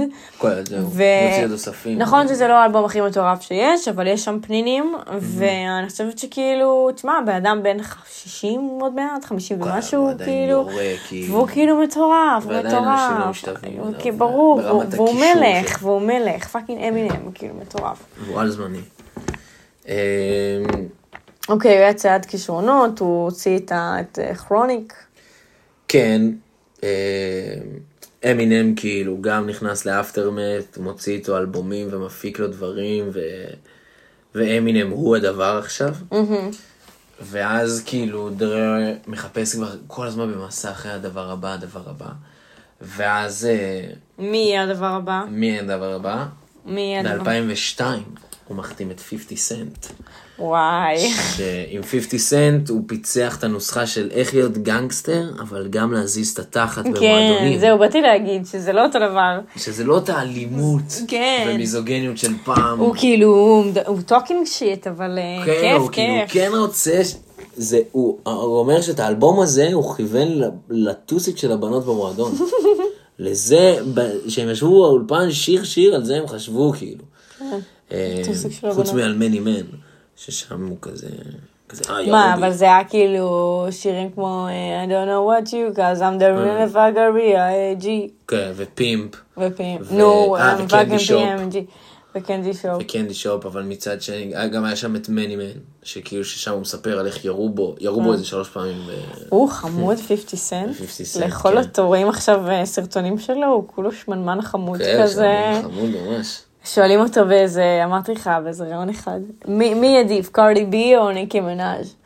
ובאיזה ראיון, ואז הוא, הוא מין כזה, מרים את הכוס, מסתכל על עצמו, כזה, רואים שהוא חושב, הגלגלים חושבים, עושה פרצופים, שהוא כאילו כזה, איזה שתי דקות עוברות, שהוא כאילו, הוא לא יודע מי לבחור, הוא לא רוצה לבחור, הקהל מתחיל לצחוק ממש, הוא כאילו נכנס לאיזה לופ. אה, אז לא, הוא חמוד. כולו שמן חמוד. הוא היה בארץ גם, נכון, עכשיו, לא מזמן. נכון. כן. אוקיי. היה שורה ראשונה. טספה היה שורה ראשונה. טספה יושב ליד סטטיק, שורה ראשונה 50 סנט. יואו, טספה, אם אתה שומע. אוי, שמע, נראה שטספה, היא- שאני מזיין את המוח אה, כן. שעתיים כמעט על ראפ וטספה לא מאזין. נכון. אה, ואז כאילו ה vibe הזה של כאילו של גנגסטרים ו- וקשיחות החזיק עד 2005, שב-2005 מגיע מי- מישהו עוד מגיע? מגיע ראפר ומשנה את כל החוקים. אני יכולה לנחש? כן. אוקיי, תן לי רמזים. מ- מישהו אז שהוא... זהו, שזה מישהו שהוא לא, הוא לא היה בא תחת דרה, הוא כאילו די, פשוט הוא הביא vibe חדש להיפ-הופ, שזה vibe של לדבר רגשות, ולפעמים קשה לראפר, ולפעמים נשבר לו הלב. אמ, מעניין. מעניין מי זה. הוא הוציא שלושה אלבומים, שנה אחרי שנה, ששיגעו את כל עולם הראפ פתאום. ממש שיגעו? כאילו ברמה כאילו אומנותית? ברמה אומנותית שעד היום את שומעת את השירים הללו. אה, הוא כבר זקן? הוא לא בחור צעיר? הוא לא זקן, כי ב-2005, ב-2004 הוא הוציא את האלבום הראשון שלו. אנחנו מדברים עליו הרבה, אנחנו- אתה ואני. כן. הוא... קנדריק. לא. לא. שיט. עדיין לא כן. ידעתי שזה צעיר מדי.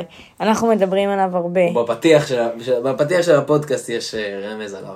אה, קניה? קניה אני לא ווסט. מאמינה, אני לא... אז קניה ווסט מגיע וב-2005 משנה את כל המגרש, יואו. ופתאום כאילו כבר זה לא מגניב להיות גנגסטר, ו... אוי, I don't קניה. וכאילו, אני חושבת שאני מצפה ממך לעשות פרק על קניה. קניה, את הכל לא. אני אבחר קטע. אני אבחר קטע בקריירה כן, שלו, זה אין לא מצב.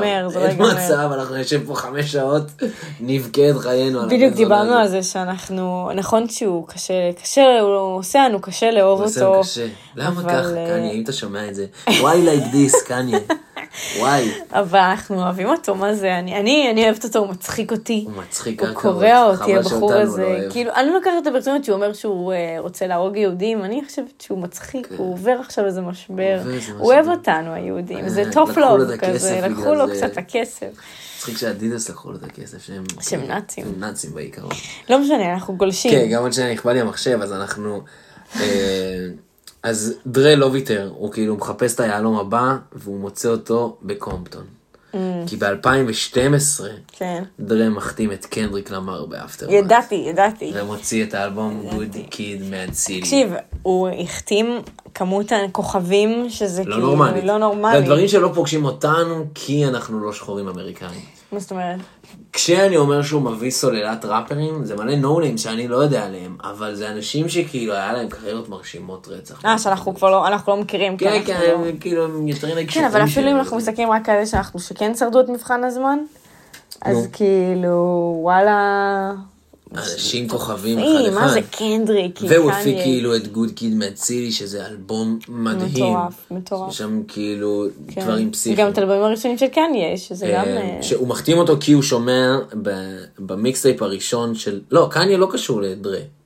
אה, הוא לא החתים, אמרתי לך. שהוא גילה אותו. הוא לא גילה אותו, הוא הרס לו את כל, כאילו, הוא בנה כאילו, Aftermath הביא כאילו היפ-הופ קשוח וזה, ואז קניה הראה לעולם שאפשר אחרת. וכל העולם אה, אמר, תודה, הבנתי. קניה, תודה. כן. ואז הוא היה חייב כאילו למצוא מה. הוא עושה. כן, אוקיי. אמ, ואז כאילו, הוא פשוט, באלבום הראשון של קנדריק למר, ב mixtape, Section 80, יש לו שיר שקוראים לו Ignorance is Bliss, שהוא מדבר כאילו על החיים בקומפטון, וכמה כמה זה חרא. כאילו, הוא, הוא מראה שם נקודת מבט שדרה הגיע אליה רק בגיל 30, והבן אדם בן כאילו 24. אמ, הוא מוציא איתו ב-2012 את האלבום Good Kid Mad City. אה, בעזרת הפקות חדשניות וקסם שקנדריק הביא לצלחת, קנדריק כובש את עולם ההיפ-הופ.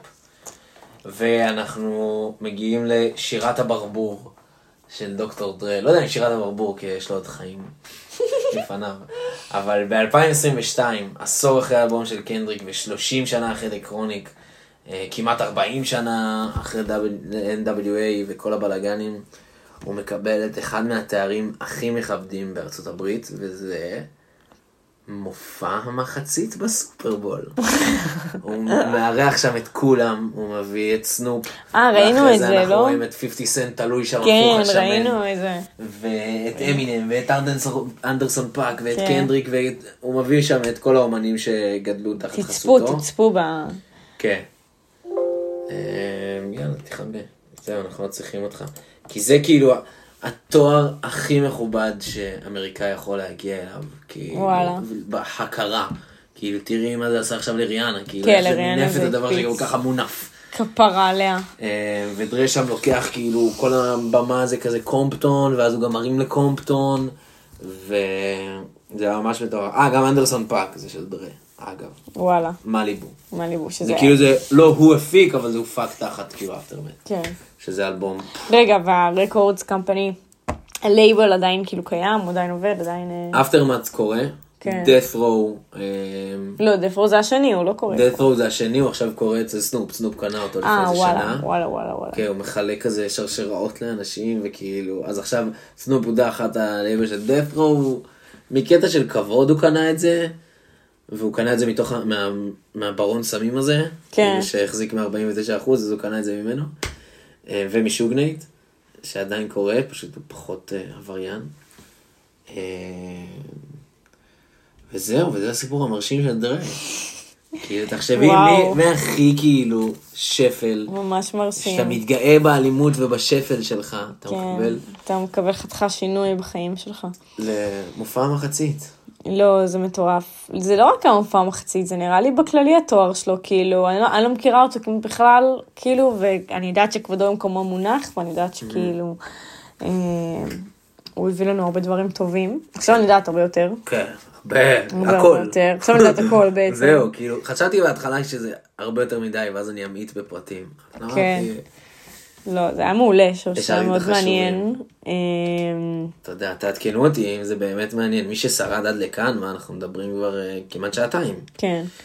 אה, נראה לי גם שזה היה מעניין, כי בניגוד לפרק הקודם, אז באמת, כאילו סיפרת סיפור על בן אדם שכאילו, כאילו פאקינג החיים שלו היו מעניינים, כאילו שזה באמת היה טוב. אמרתי לך שאיך שאמרנו שמספרים סיפור על אומן, ישר נפל לי הסיפור. שלו, ושהוא זהו, הבן אדם. אותי, הפתעת אותי. הוא הבן אדם, וחשבתי לעשות גם חצי, אבל כאילו...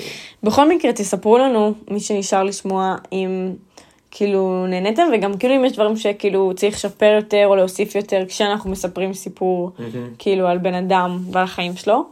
אה, אבל אותי זה ממש עניין שוש, זה היה נורא נורא מעניין. תודה רבה. אז תודה לך. תודה לך. וזהו, שיהיה לנו לילה טוב. אנחנו הולכים להכין עכשיו. מג'דרה. כן. אה, נראה לי, נראה לי אתם תשמעו עכשיו את הביט, נעשה גם את הביט ביציאה כזה? כן, למה לא? יהיה מגניב. כן, שים לנו אה, את עכשיו הביט. לשים את הביט?